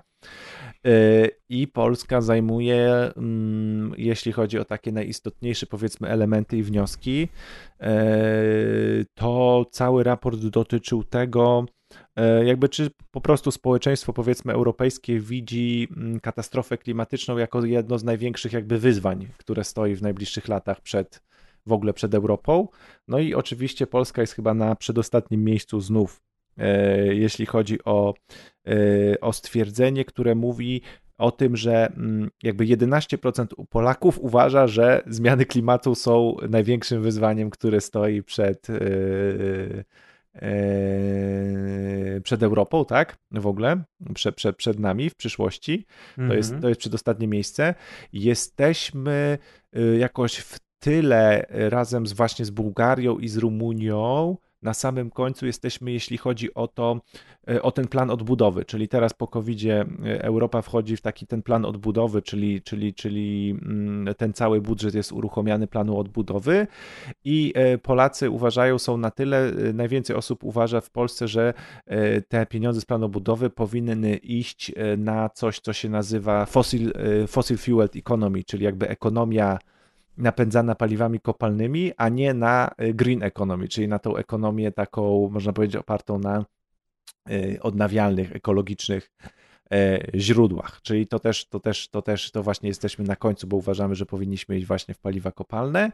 E, no i oczywiście, ale, a najzabawniejszym pytaniem jest to, e, gdzie jesteśmy. Jesteśmy w jednym pytaniu w czołówce, nie wiem czy na pierwszym, czy na drugim miejscu, ale na 100% w top 3 Y, państw, które uważają, Polacy odpowiadają tak na pytanie, że rząd robi wystarczający wysiłek y, w celu ochrony klimatu i zachowania neutralności klimatycznej i ochrony przyrody w Polsce. Także. O, i stąd, y, stąd te kary, które mamy wypłacać Czechom, prawda? Bo, bo, bo, bo robimy wszystko, co w naszej mocy, oczywiście. Ale wiesz, pamiętasz dyskusję na temat VAT-u i to, i to że strasznie duża ilość ankietowanych odpowiedziała, że oni w ogóle żadnego VAT-u nie płacą przecież w niczym, bo nie mieli świadomości tego, że, że VAT jest, wiesz, w papierosach, w alkoholu, we wszystkim jest, w benzynie, wiesz, i, i nagle się okazuje, że oni przecież nie płacą żadnego VAT-u. Płacenie VAT-u jest dla frajerów, nie? Wiesz, no to... Tak, tak, tak, ale mówię, bardzo, bardzo ciekawe są te, warto, te, te raporty wcale nie są takie skomplikowane. Jak się otworzy, y, są nawet prezentacje y, na stronie y, Eurobarometru, są nawet prezentacje w PowerPoincie zrobione pięknie, ładnie, Y, parę dziesiąt slajdów y, razem, gdzie jest pokazana, że tak powiem, średnia unijna i sobie można też pytania po pytaniu przejrzeć. Y, w ogóle taki jakby widać podział pomiędzy, nie wiem, powiedzmy kraje Beneluxu, Skandynawię, powiedzmy my jesteśmy takim blokiem Polska, Rumunia, Litwa, Bułgaria, to gdzieś my się, taki, my się, gdzieś tak trzymamy. Wracamy tutaj. do punktu wyjścia. Czasami, czasami trochę Chorwacja, ale, ale na przykład e, w wielu w Chorwacji pytaniach... przynajmniej jest ciepło. Tak, ale w wielu pytaniach na przykład, na przykład Węgrzy uciekają jakby tutaj w stronę bardziej e, tych państw e, zachodnich, to co też jest takie, można powiedzieć, zaskakujące, bo my się no, czasami faktycznie. do tych Węgrów przytulamy, a oni potrafią jednak odskoczyć w bardzo wielu miejscach. E, zresztą tam też jest skomplikowana e, sytuacja w tym, w tym momencie na Węgrzech. Nie jest taka wcale zero-jedynkowa, jak nam się wydaje, jeśli chodzi o społeczeństwo. E, warto też sobie reportaże właśnie o Węgrzech obecnie poczytać. Ale mówię, także, także, także warto sobie popatrzeć. Te wszystkie, te wszystkie dane, o których mówimy, są dostępne, są bardzo przejrzyście pokazane. To nie są jakieś kilkuset stronicowe, nudne raporty. E, można sobie popatrzeć e, i, i mówię, w latach jest kilka raportów rocznie e, prezentowanych na przeróżne, na przeróżne tematy. Jak ktoś kiedyś by chciał sobie do kawki poklikać, to naprawdę jest to, jest to całkiem ciekawe. No, więc to by było na tyle, jeżeli chodzi o ten temat i generalnie rzecz biorąc myślę, że już nie będziemy teraz szkalować naszych rodaków, bo oni sami siebie odpowiednio szkalują i chyba już wszystko, co chcieliśmy powiedzieć, powiedzieliśmy. Przeraża nas głupota i jakiś taki totalny egoizm, który, który teraz obserwujemy, plus ta taka zawiść jakaś właśnie, chociażby w przypadku, nie wiem czy zawiść, czy to jest dobre słowo, chyba raczej nienawiść w przypadku w ogóle, wiesz, tego, co się dzieje na granicy, bo sam problem oczywiście na granicy jest i to jest problem, E, ale, ale jakby to, co, co, co ludzie mówią, to już jest zupełnie inna kwestia. Mnie, mnie też wczoraj rozwalił w ogóle, rozwaliła mnie wczoraj dyskusja, jest taki nowy film na Netflixie, ja teraz te, tytułu tego filmu nie ci nie powiem, ale to jest film o czarnoskórych kowbojach, rewolwerowcach. Mm, tam gra między innymi Idris Elba, którego ja zresztą uwielbiam. I w tym filmie jakby fabuła jest fikcyjna, natomiast wszystkie postaci, które w tym filmie się pojawiają, to są Y, historyczne postaci z Dzikiego Zachodu. Nie wiem, czy kojarzysz w ogóle, o czym ja mówię. Mhm, chyba tak. I ktoś wczoraj, ja już nawet nie będę nazwisk tych ludzi mówił, bo nie chcę im robić reklamy, jest jakiś koleś, który jest jakimś tam politykiem, y, tfu, dziennikarzem, to jest dziennikarz jakiś prawicowy oczywiście, y, jak żeby inaczej, mm, powiedział, że mm, Netflix właśnie zabił jego dzieciństwo i wrzucił zdjęcie dwóch młodych czarnoskórych kowbojów. No i teraz wiesz, to zaczęła się ta dyskusja na zasadzie Netflix przekłamuje historię i w ogóle, wiesz... tak, bo, teraz... nie, bo nie było czarnoskórych kowbojów. No właśnie, kurwa. I teraz tak. I najlepszy jest y, prawicowy Clint Eastwood, który zrobił kiedyś bez przebaczenia, nie? Z Morganem Freemanem. Tak, tak, dokładnie. E, I ten, i, i w ogóle e, pierwsza rzecz, pierwsza rzecz, y, kowboje to nie był wcale taki e, chwalo, chwalebny zawód, jak się dzisiaj wydaje po filmach. Cowboy to był człowiek, który odprowadzał krowy na pastwisko, a nie rewolwerowiec, bo to są dwie inne sprawy.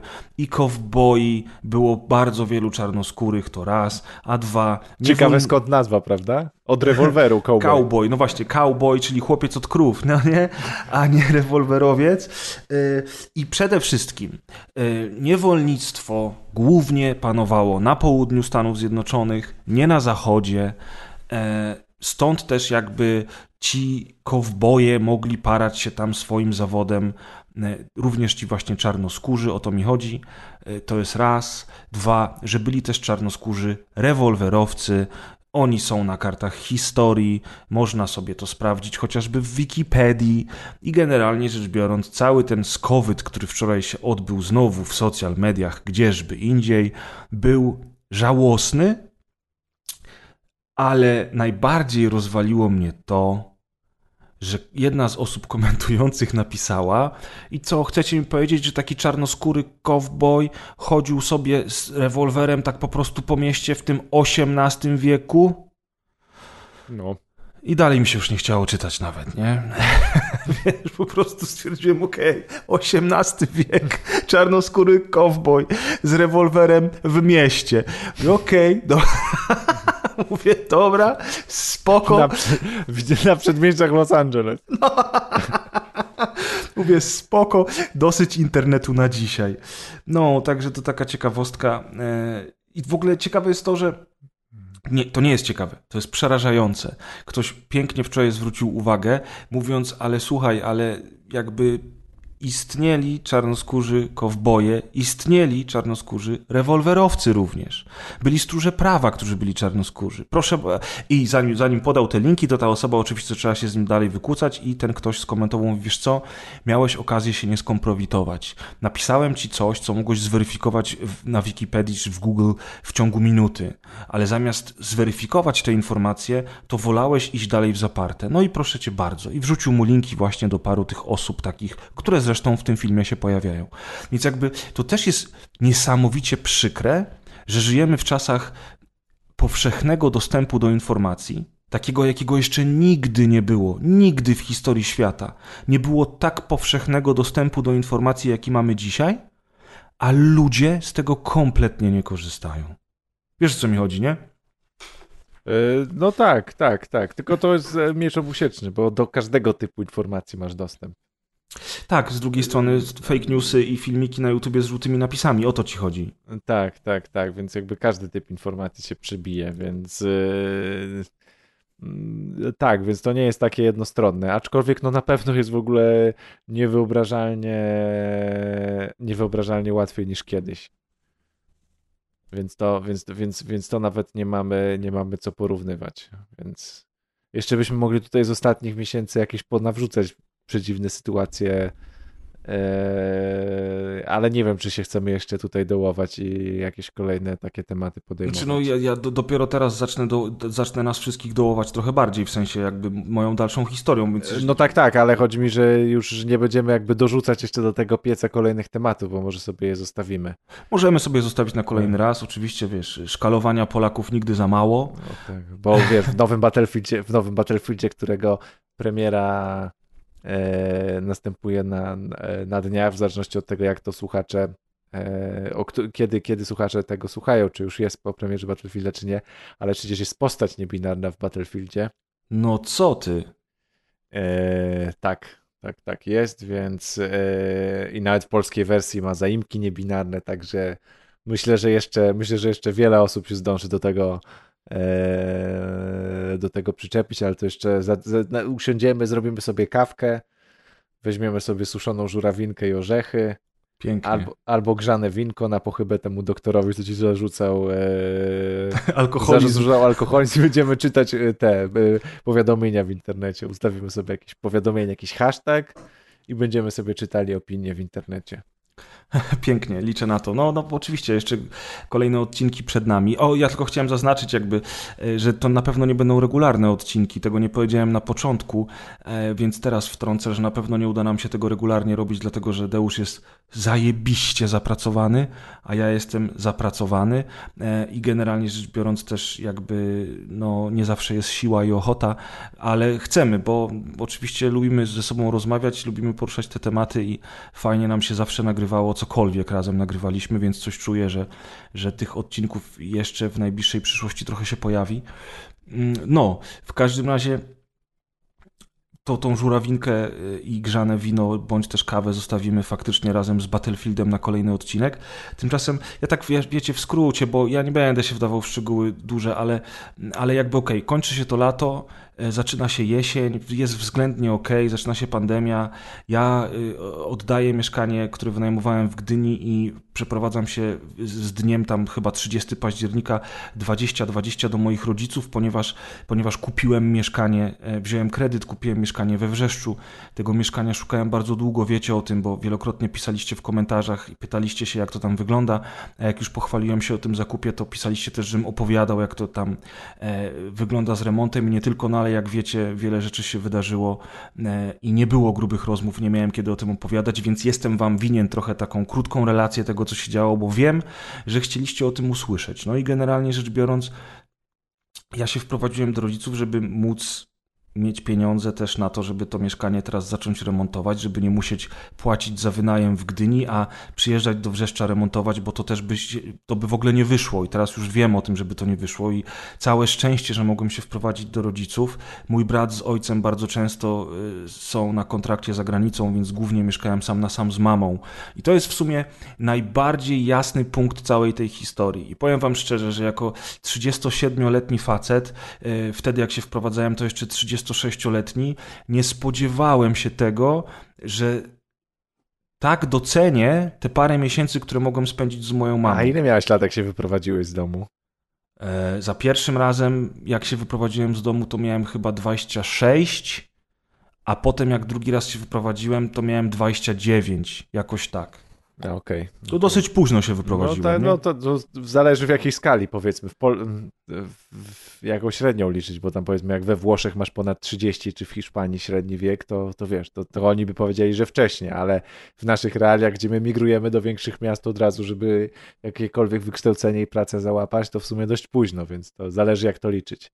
No tak. Ale jeden... zdążyłeś już się odzwyczaić, o, o to mi Tak, no bo wiesz, zdążyłem się odzwyczaić, to bardzo zdążyłem się odzwyczaić. Żyłem, wiesz, żyłem wiele lat, wiele lat żyłem, żyłem sam. Zresztą e, były, były dziewczyny, dłuższe, krótsze relacje, ale jednak żyłem sam. I przez te wszystkie lata byłem kawalerem, no czasami tak, czasami nie. Chodzi mi o to, wiecie, że to jakby żyłem na własną rękę, tak? E, praca, mieszkanie, podróże, zresztą to też jest coś, co bardzo się odbiło na moim stanie psychicznym, że ja przez okres pandemii nie byłem w stanie jakby spuszczać pary w ten sposób, który spuszczałem przez ostatnie lata, a mianowicie e, nie mogłem jeździć, podróżować. Wiesz, że ja potrafiłem wsiąść w samolot i nawet na weekend pojechać do Genewy albo do Amsterdamu, pojechać na koncert do Warszawy, spotkać się z Kuldanem, odwiedzić Atka, pojechać do Maćka, do Krakowa, wiesz, różne rzeczy, ale zawsze to było tak, że nawet jak było ciężko, była, były stresy w pracy czy coś, to jednak była ta odskocznia, że w każdej chwili mogłem wsiąść w pociąg czy w samolot samolot i nawet na 2-3 dni gdzieś sobie pojechać. I to był zawsze dla mnie relaks, który ładował moje baterie. Ten relaks skończył się wraz z pandemią, a wraz ze śmiercią Piotra, musisz sam przyznać, skończyło się też takie e, nagrywanie rozgrywki, jakie znaliśmy i pamiętaliśmy. A rozgrywka i grube rozmowy to też były takie rzeczy, które były dla mnie pewną formą terapii, a przede wszystkim formą spędzania z wami czasu. Mhm czasu spędzania z moimi przyjaciółmi, którzy są rozbici po całej Polsce i nie możemy się zbyt często w ciągu roku widywać. Też to na pewno odczułeś, prawda? Mhm, tak, racja. Wszystkim nam troszeczkę ten zapał, za, zapał opadł, wszyscy jesteśmy zapracowani yy, i po prostu jakby to się skończyło w pewnym momencie w takiej formie, w jakiej było, dlatego teraz próbujemy wrócić do tego za wszelką cenę, bo to jest dobre dla nas. My to kochamy robić, kochamy spędzać ze sobą czas, dlatego też chcemy przywrócić grube rozmowy, bo one są też czymś ważnym i e, jakby tego wszystkiego zaczęło brać, ale zaczęło brakować, przepraszam. Aha, dobra, już wiem, sorry, bo odbiłem trochę od tematu. Wprowadziłem się do rodziców. Bardzo dobrze mieszkałem się razem z moją mamą. Do końca życia będę doceniał te parę miesięcy spędzonych z nią, ponieważ żeśmy sobie oglądali seriale, dyskutowali, kawkowali e, i to po prostu jest coś, co jako syn będę zawsze już pamiętał, że miałem okazję jako dorosły człowiek e, z moją mamą ten czas spędzić. My się bardzo lubimy, dobrze się dogadujemy i, i to po prostu będzie zawsze moje dobre wspomnienie. Ja się też cieszę, że byłem u mamy, kiedy zmarł Piotr, bo ze względu na nią jakby no raz, że miałem wsparcie, ale dwa, że po prostu wiesz, nie spadłem na dno butelki, bo podejrzewam, że gdybym mieszkał sam w Gdyni, to po prostu bym się zapił na śmierć i wtedy ten lekarz mógłby powiedzieć, ha, a nie mówiłem, wiesz, wiesz co chodzi, nie? Tak, tak, tak. Więc jakby, jakby miałem to towarzystwo, to wsparcie i uznałem, ze, ze, względu na szacunek na moją mamę, ja teraz muszę za wszelką cenę e, trzymać się w ryzach, zresztą też ze względu na rodzinę Piotra, ze względu na Piotra samego, na nas wszystkich. Musieliśmy, nie tylko ja, ale wy też, musieliśmy się trzymać w ryzach, musieliśmy zorganizować tą zbiórkę i starać się w miarę możliwości trzymać. No i tak żeśmy zrobili, ale to było ciężkie. Kiedy zmarł Piotr, e, to już pomijam te bóle, które mi wróciły, ale to było niesamowicie ciężkie psychicznie. Ja w tym czasie musiałem już e, działać z remontem, musiałem, to nie mogło stać w miejscu. W trakcie pandemii w ogóle remont e, okazał się niesamowicie trudny. Brakuje materiałów, brakuje fachowców, a i tak cieszę się, że udało mi się zdecydowaną większość remontu skończyć przed wakacjami 2021, dlatego że w tej chwili ceny materiałów budowlanych skoczyły o tak niebotyczne ilości, o tak niebotyczne kwoty, że to jest koszmar, co teraz się dzieje. Plus fachowców praktycznie nie ma. Fachowcy są zabukowani z grubsza do połowy przyszłego roku. E, bo wszyscy się przestraszyli tych cen. Wiesz o co chodzi? Mhm. Że będzie tylko tak, tak drożej. Tak, tak. I jakby, gdybym ja wtedy tego nie robił, to bym dzisiaj po prostu siedział w pustych ścianach. E, a i tak mam zrobiony cały korytarz, nowe szafy, bo mam całą elektrykę wymienioną, musiałem to zrobić. E, mam e, wyremontowany od, od jakby od, zupełnie do, do nowości korytarz, salon i sypialnię. Natomiast łazienka z kuchnią nie są zrobione, one są używalne, bo kupiłem używane mieszkanie i tam można korzystać z łazienki, można korzystać z kuchni, ale daleko im do ideału. A, a tutaj resztę, którą zrobiłem, no to raz, że tylko na tyle było mnie stać, a ja od stycznia miałem już trzy etaty, nie dwa, tak jak od pięciu czy sześciu lat, tylko jeszcze trzeci etat wziąłem na siebie, żeby zarobić na ten remont. E, zapierdalałem w ogóle, wiesz, jak, jak dziki. E, co chwilę musiałem przychodzić tutaj do mieszkania, no bo albo dostawa czegoś, albo jakaś robota, albo coś. Więc gdybym ja mieszkał w Gdyni, to ja bym tego remontu nigdy nie zrobił. A dzięki temu, że moi rodzice mieszkają dosłownie trzy ulice dalej, to ja byłem w stanie w ciągu dnia po prostu chodzić, wiesz. I tak samo przez to, że w pandemii większość czasu kazano nam pracować z domu, to ja byłem w stanie nadzorować w ogóle ten remont. Z remontem były dantejskie sceny, były różne, różniste akcje. Może przy innym odcinku ja wam opowiem te, te wszystkie humorystyczne, czy też irytujące rzeczy, które się działy z tym remontem, bo tego jest sporo, ale musicie mi uwierzyć na słowo, że te wszystkie opowiadania na temat fachowców i tego, co robią, to jest prawda. A w, w momencie pandemii, kiedy jakby brakuje materiałów i jest tysiąc ludzi na twoje miejsce, żeby kupić albo wynająć fachowca, to ci ludzie mają jeszcze bardziej wyjebane. No. Do tego stopnia, że na przykład jak zamawiałem listwy przypodłogowe, żeby Zamawiałem je w sobotę, żeby były w poniedziałek, bo we wtorek rano wchodził fachowiec, który miał je zrobić i zapłaciłem specjalnie za dostawę z Rumi do Gdańska, bo tylko w Rumi, w całym Trójmieście, ta sieć sklepów miała te listwy, które będą pasowały do moich podłóg, bo to jest stare budownictwo, są krzywe ściany, są krzywe podłogi, e, listwy musiały być szerokie po prostu. Na szerokość mhm. musiały być szerokie. 2,7 cm to chyba było maksimum, które się dało uzyskać i tylko w tamtym sklepie w Rumi mieli tyle listów, ile ja potrzebuję, więc zapłaciłem specjalnie pieniądze za to, żeby oni przywieźli mi to z Rumi do Gdańska w poniedziałek i w Gdańs od 8 do 13 w poniedziałek czekałem na telefon, kiedy będzie pan z dostawą. Nie doczekałem się telefonu, jak zadzwoniłem o 13 tam e, do sklepu, to pani mi powiedziała, tak, tak, ja kojarzę pana. Mhm. No tak, bo ja składałem to zamówienie od pana w sobotę. No tak, wszystko się zgadza. Ale wie pan co? Ja zapomniałem przekazać dostawcy pana zamówienie dzisiaj. Aha. Ja mówię, proszę mhm. pani, no ale ja za to zapłaciłem specjalnie, nie? No tak, no tak. E, w środę możemy panu to przywieźć rano. Ja mówię, no proszę pani, no nie w środę rano, bo jutro rano wchodzi fachowiec, który ma mi to zrobić. No i pani z wielką łaską mówi, no dobrze, to jutro w takim razie przywieziemy. Ale mówię, proszę pani, ale do dziewiątej musicie mi to przywieźć, bo o dziewiątej fachowiec jest ze mną umówiony. No dobrze, przywieziemy.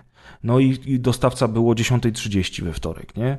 Wiesz, e, mnóstwo takich rzeczy. Albo na przykład to, że jak wstawiali mi drzwi nowe, też zamówiłem i też tam w ogóle kombinacje różne, różniste, to, to wiesz, to miałem już zrobione ściany, to oni mi te ściany poniszczyli oczywiście, nie? Bo w jednym z pokoi zrobili sobie warsztat, w którym cieli te deski, nie deski, które tam jeszcze musieli dociąć i porysowali mi ściany, w ogóle wiesz, zrobili dziurę w nowo, w nowo zrobionym, no paranoja, nie? Już o tym, że bardzo dużo rzeczy ja robiłem sam, pomagał mi brat, pomagali mi kumple, e, stare, wiesz, stare szafy, stare tapety, pod tapetami cały papier, pod papierem farba, nie? I tą farbę trzeba zdrapać do gołego, żeby można było to potem mhm. wycekolować, pomalować, wiesz, chuje mu dzikie węże. Wynoszenie 750 kg gruzu zimą na oblodzonym, wiesz, na oblodzonym podwórku po ciemku, żeby tam zamówiłem ten taki kontener, wiesz, na wywóz mhm. śmieci. To było w sumie fajne, bo dzięki temu, że ja też dużo chodziłem, y, trochę popracowałem fizycznie, ponosiłem, to ja już wtedy zacząłem, wiesz co, gubić te kilogramy, nie? Zacząłem tak troszeczkę lepiej wyglądać, bo ja już byłem Czyli dosyć... kolejne mieszkanie kupić po prostu. Tak, tak, to już w ogóle będę wyglądał jak ty.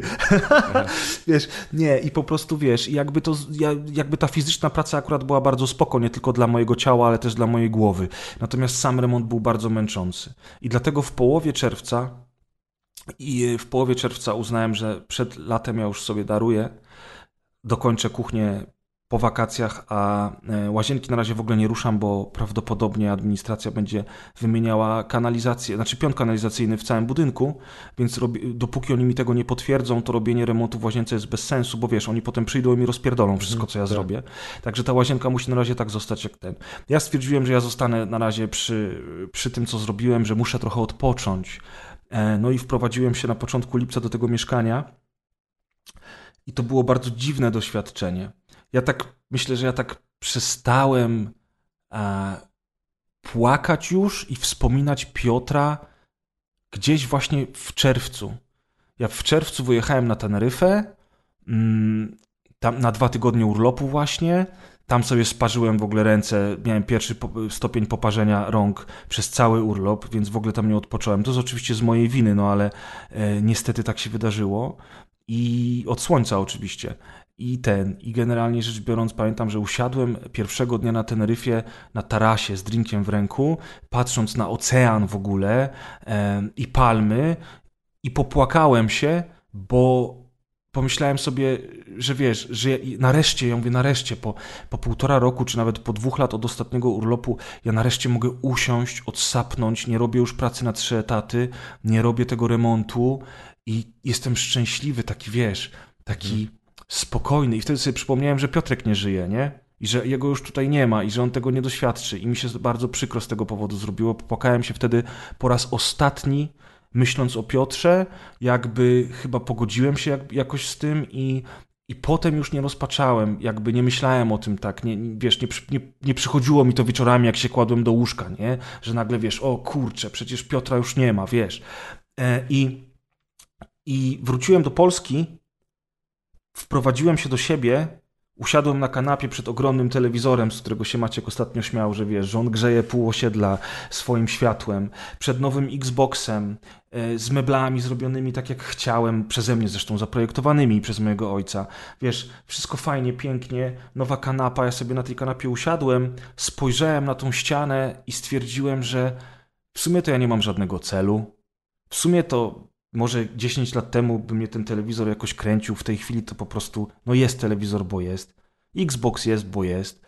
Największą radość, którą mi sprawia, to jest mój gramofon, który mój tata, stara Unitra Bernard klasyczna, którą mój tata z wujkiem odnowili i mój tata sprezentował mi go. I mogę sobie słuchać na gramofonie starych albumów, które też ojciec mi prezentuje co chwilę, albo które ja sobie kupuję sam, które słuchał mój tata, kiedy ja byłem dzieckiem. I słuchanie tych albumów dzisiaj to jest mega relaksująca, fajna sprawa. Mam dwie nowe szafki szklane pełne książek i komiksów, które obiecałem sobie, że jak już się wreszcie wprowadzę i skończę remont, będę je czytał, bo będę miał wreszcie taki, wiesz, spokój ducha, których w ogóle nie chciało mi się czytać. I siedziałem przed, w tym mieszkaniu i zrozumiałem, że że to mi w sumie nie daje żadnej radości, że ja się czuję obco w tym mieszkaniu, bo to nie jest moje mieszkanie. Wiesz o co chodzi? Mhm. To jest nowe mieszkanie. Ja tu nawet nie miałem jeszcze plakatów żadnych, niczego powieszonego. Jednego kwiatka nie miałem i się źle czułem na maksa. I to jest ciekawe, że po wielu, wielu latach mieszkania samemu, gdzie ja się bardzo dobrze z tym wszystkim czułem, po pół roku czy tam siedmiu miesiącach mieszkania u rodziców, jak wprowadziłem się sam do siebie, to byłem bardzo samotny. Wiesz o co chodzi? Totalnie było mi źle w tym mieszkaniu samemu ze sobą.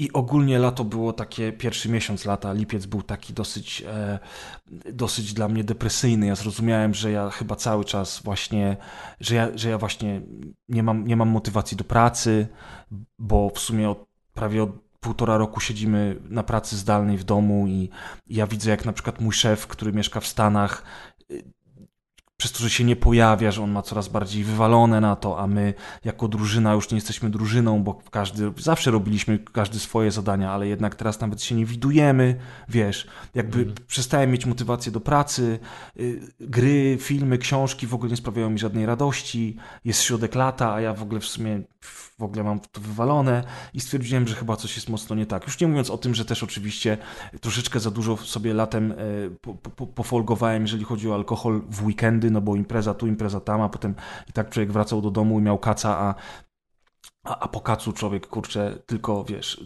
łapie doła albo się robi smutny i w sumie to było takie cały tydzień pracy, w weekend imprezki, praca, imprezki i tak minął lipiec i ja w ogóle mówię, kurwa, co się dzieje, nie? Coś jest mocno nie halo. Ale miało być światełko w tunelu w postaci e, dziewczyny, którą znałem od wielu lat i żeśmy się e, bardzo dobrze zawsze dogadywali, lubili w ogóle e, i zaczęliśmy się spotykać znowu zresztą, bo kiedyś próbowaliśmy dwa lata wcześniej, zaczęliśmy się znowu spotykać od czerwca w sumie i w lipcu, no, no i tak już ten sierpień to już był taki, wiesz, wszystko było super, byliśmy razem, ja mówię, kurczę, fajnie, zaczyna się układać, to jest to światełko w tunelu, nareszcie dochodzę do siebie. E, I faktycznie wiesz, jak to jest. No jest kobieta, spędzacie razem czas, gdzieś tam pojechaliśmy razem, coś porobiliśmy. E, zaczynasz czuć, że, że wszystko jest w porządku, ale niestety Um, niestety to się okazała bardzo toksyczna relacja, co było dużym zaskoczeniem po tych latach, kiedy się znaliśmy, że nagle jak zaczęliśmy być ze sobą, to troszeczkę się zmieniło. Ja nie będę jojczył teraz, nie będę opowiadał o niej, bo ze względu na szacunek dla niej, chociaż ona mi tego szacunku nie okazała, ale po co ja to o tym w ogóle wszystkim mówię? Bo jakby na całe szczęście ja nie byłem zakochany, e, w związku z czym byłem oczywiście zauroczony, no, znaliśmy się tyle lat, lubiliśmy się, wiecie o co chodzi, ale Mm, chodzi mi o to, że niestety ta relacja bardzo, bardzo mocno namieszała mi we łbie, bo ja nie spotkałem się nigdy z czymś takim. Z takim zachowaniem, dosyć egoistycznym. Wiesz, może też nie powinienem się wiązać z, z ludźmi, którzy są o 12 lat ode mnie młodsi. Może kwestia wieku też coś ma do rzeczy. Natomiast ogólnie rzecz biorąc, niestety to nie była zdrowa relacja i ja swoje przecierpiałem do tego stopnia, że w pewnym momencie już przestałem jeść i e, w ogóle tam z łóżka nie wstawałem, bo już po prostu nie wiedziałem, co się dzieje. Miałem tak zryty beret, że nikt nigdy mi tak nie zrył beretu. W związku z czym, jak, jak ten związek się niedawno skończył, to mi kamień spadł z serca w zasadzie z dnia na dzień, bo ja zrozumiałem, że w sumie to chyba było dla mnie niedobre i teraz nareszcie mogę przestać się tym przejmować i skupić się na sobie, ale byłem tak niesamowicie wykończony psychicznie i fizycznie. Przysięgam wam, że dzień po rozstaniu ja się przyszedłem do mojej mamy i powiedziałem: Cześć, mamo, ja teraz u ciebie przez tydzień będę mieszkał. Wprowadziłem się na tydzień do mojej mamy i praktycznie nie wychodziłem z łóżka. Znaczy wstawałem jak trzeba było jakąś konferencję na laptopie zrobić, coś, jakieś maile wysłać, ale generalnie to ja wstawałem z łóżka 16, 17. Byłem wykończony psychicznie, ale przede wszystkim fizycznie, jakbym kurwa wrócił z wojny w Wietnamie, a nie, wiesz, rozstał się z jakąś dziewczyną. I to było porąbane, bo tak jak powiedziałem, ja nawet nie byłem zakochany. Ja wiem, jak, jak, jak człowiek cierpi po rozstaniu, jak jest zakochany, a tutaj tak nie było, a, mimo, a, a jednocześnie byłem tak niesamowicie wykończony. I mówię o tym dlatego, że cała moja historia, którą wam teraz przedstawiłem, wszystkie te zmagania moje, które spowodowały, że ja naprawdę zacząłem, zacząłem już balansować na, na krawędzi depresji, doprowadziły do tego, że ja musiałem stanąć w końcu przed lustrem i powiedzieć: Chyba dalej sobie sam nie poradzę. To znaczy, to jest ten moment, do którego ja już się przymierzałem parokrotnie i chyba muszę coś z tym zrobić, bo jakby ten marazm, który mnie opętał, marazm to jest chyba dobre słowo, nie? No chyba tak. Chyba tak. Ten marazm, ta obojętność, ten brak jakby czerpania z czegokolwiek radości i teraz jakby tą radością miała być moja partnerka i wszystko wyglądało na początku, że będzie fajnie, no ale to niestety nie wyszło, w związku z czym jakby to był kolejny taki bodziec, który znowu mnie chciał przyszpilić do ziemi, więc ja znowu spędziłem tam dwa, trzy weekendy na ostrym piciu na imprezach, prawda? Tu znowu pozdrawiamy pana lekarza, kto wie, może kiedyś się okaże, że jednak miał rację. W każdym razie e, i tak oczywiście w tygodniu praca, wszystko tego, w weekendy parę razy sobie tutaj popiłem, tutaj przed kumpel, tam poszedłem na imprezę, spoko, fajnie i, i w pewnym momencie stwierdziłem, ale tak nie może być dalej. To, to nie jest kwestia tej dziewczyny nawet, bo to już trwa co najmniej rok czasu. To trwa od, od śmierci Piotra i ja muszę się wziąć za siebie. No i mój dobry kolega ma, mamy, która jest lekarzem pierwszego kontaktu. Inny dobry kolega zasugerował mi tabletki, które sam bierze i które mogą, mogą pomóc, bo ja powiedziałem, że ja do żadnego psychoterapeuty nie pójdę, że nie chcę brać psychotropów, e, nie chcę się, jakby wiecie, nie chcę swojego życia uzależniać od leków, które prawdopodobnie będę musiał brać teraz przez lata. Tym bardziej, że ja się nie czuję, że jestem w jakiejś super niesamowicie głębokiej depresji, no bo jednak cały czas pracuję, ogarniam, nagrywam z wami rozgrywkę, robię rzeczy związane z domem. Przez parę tygodni było ciężko, naprawdę zaniedbałem wszystko, co mogłem zaniedbać, włącznie z pracą, co zresztą mi się odbiło w pracy czkawką niestety. I wtedy miałem ten wake-up call, taki, wiesz, okej okay, mhm. stary, albo teraz bierzesz sprawy w swoje ręce, albo będziesz siedział jak pizda i się nad sobą uża użalał, nie? I powiedziałem, no kurczę, ja nie umiem się użalać nad sobą dłużej niż dzień czy dwa. Nie umiem po prostu. Wkurza mnie to i muszę się zabrać za siebie. W związku z czym bierzemy się za siebie. No i poprosiłem tego kolegę, ponieważ tutaj wraca temat e, prywatnej opieki medycznej. Nie mogłem nawet się umówić, słuchajcie, z żadnym lekarzem pierwszego kontaktu na rozmowę telefoniczną, bo już przez, przez kolejną czwartą falę znowu jest tak, że się nie da umówić. I poprosiłem tego kolegę, czy mogę zadzwonić do jego mamy, która jest również lekarzem pierwszego kontaktu. On oczywiście dał mi numer telefonu do mamy. Wink, wink. I zadzwoniłem. I już mam dobry humor. No. Y, już mam nową dziewczynę. Nie, w każdym razie. Teraz, dwa, teraz ty, ten, 16 lat w drugą stronę. dokładnie, dokładnie. Teraz, teraz wtedy 12 lat w tamtą, teraz 16 lat w tamtą. Czekaj, napijasz się aż wody, bo od tego gadania to mi zaschło w gardle. Już kończę, obiecuję. To jest punkt kulminacyjny, moi drodzy, i on jest też dla Was, nie tylko dla mnie. Chodzi mi o to, że porozmawiałem z tą panią, przedstawiłem jej mniej więcej tą historię, tak samo jak przedstawiłem Wam dzisiaj e, na grubych rozmowach, tylko oczywiście w większym skrócie. i bez y, wsparcia mojego przyjaciela Deusza. W każdym razie powiedziałem to, co się dzieje, jak ja to czuję, że ta, mam takie symptomy, objawy i tak dalej. No i ta pani powiedziała, ja mu powiedziałem, że ja nie chcę iść do, do, do, do psychoterapeuty, ani nie chcę brać psychotropów, ale wiem, że są tabletki na serotoninę, które, które można brać i które wspierają jakby codzienne życie, tam miesiąc, dwa się pobierze takie tabletki i można, można wtedy je odstawić. Ja mówię, ja po prostu chciał wrócić na, na swoje tory. Chciałbym wrócić do normalności, nabrać energii, zacząć robić dalej swoje, tak jak robiłem to przez ostatnie moje lata życia. No e, i ten. I faktycznie pani powiedziała, że mi psychoterapeuta w ogóle nie jest potrzebny, dlatego że psychoterapeuta jest po to, żeby człowiek mógł się dowiedzieć, co się z nim dzieje, jeżeli nie wie, co się z nim dzieje. I wtedy idzie się do psychoterapeuty, opowiada się o sobie, psychoterapeuta słucha i sugeruje, co można zrobić, jakie podjąć kolejne kroki, etc.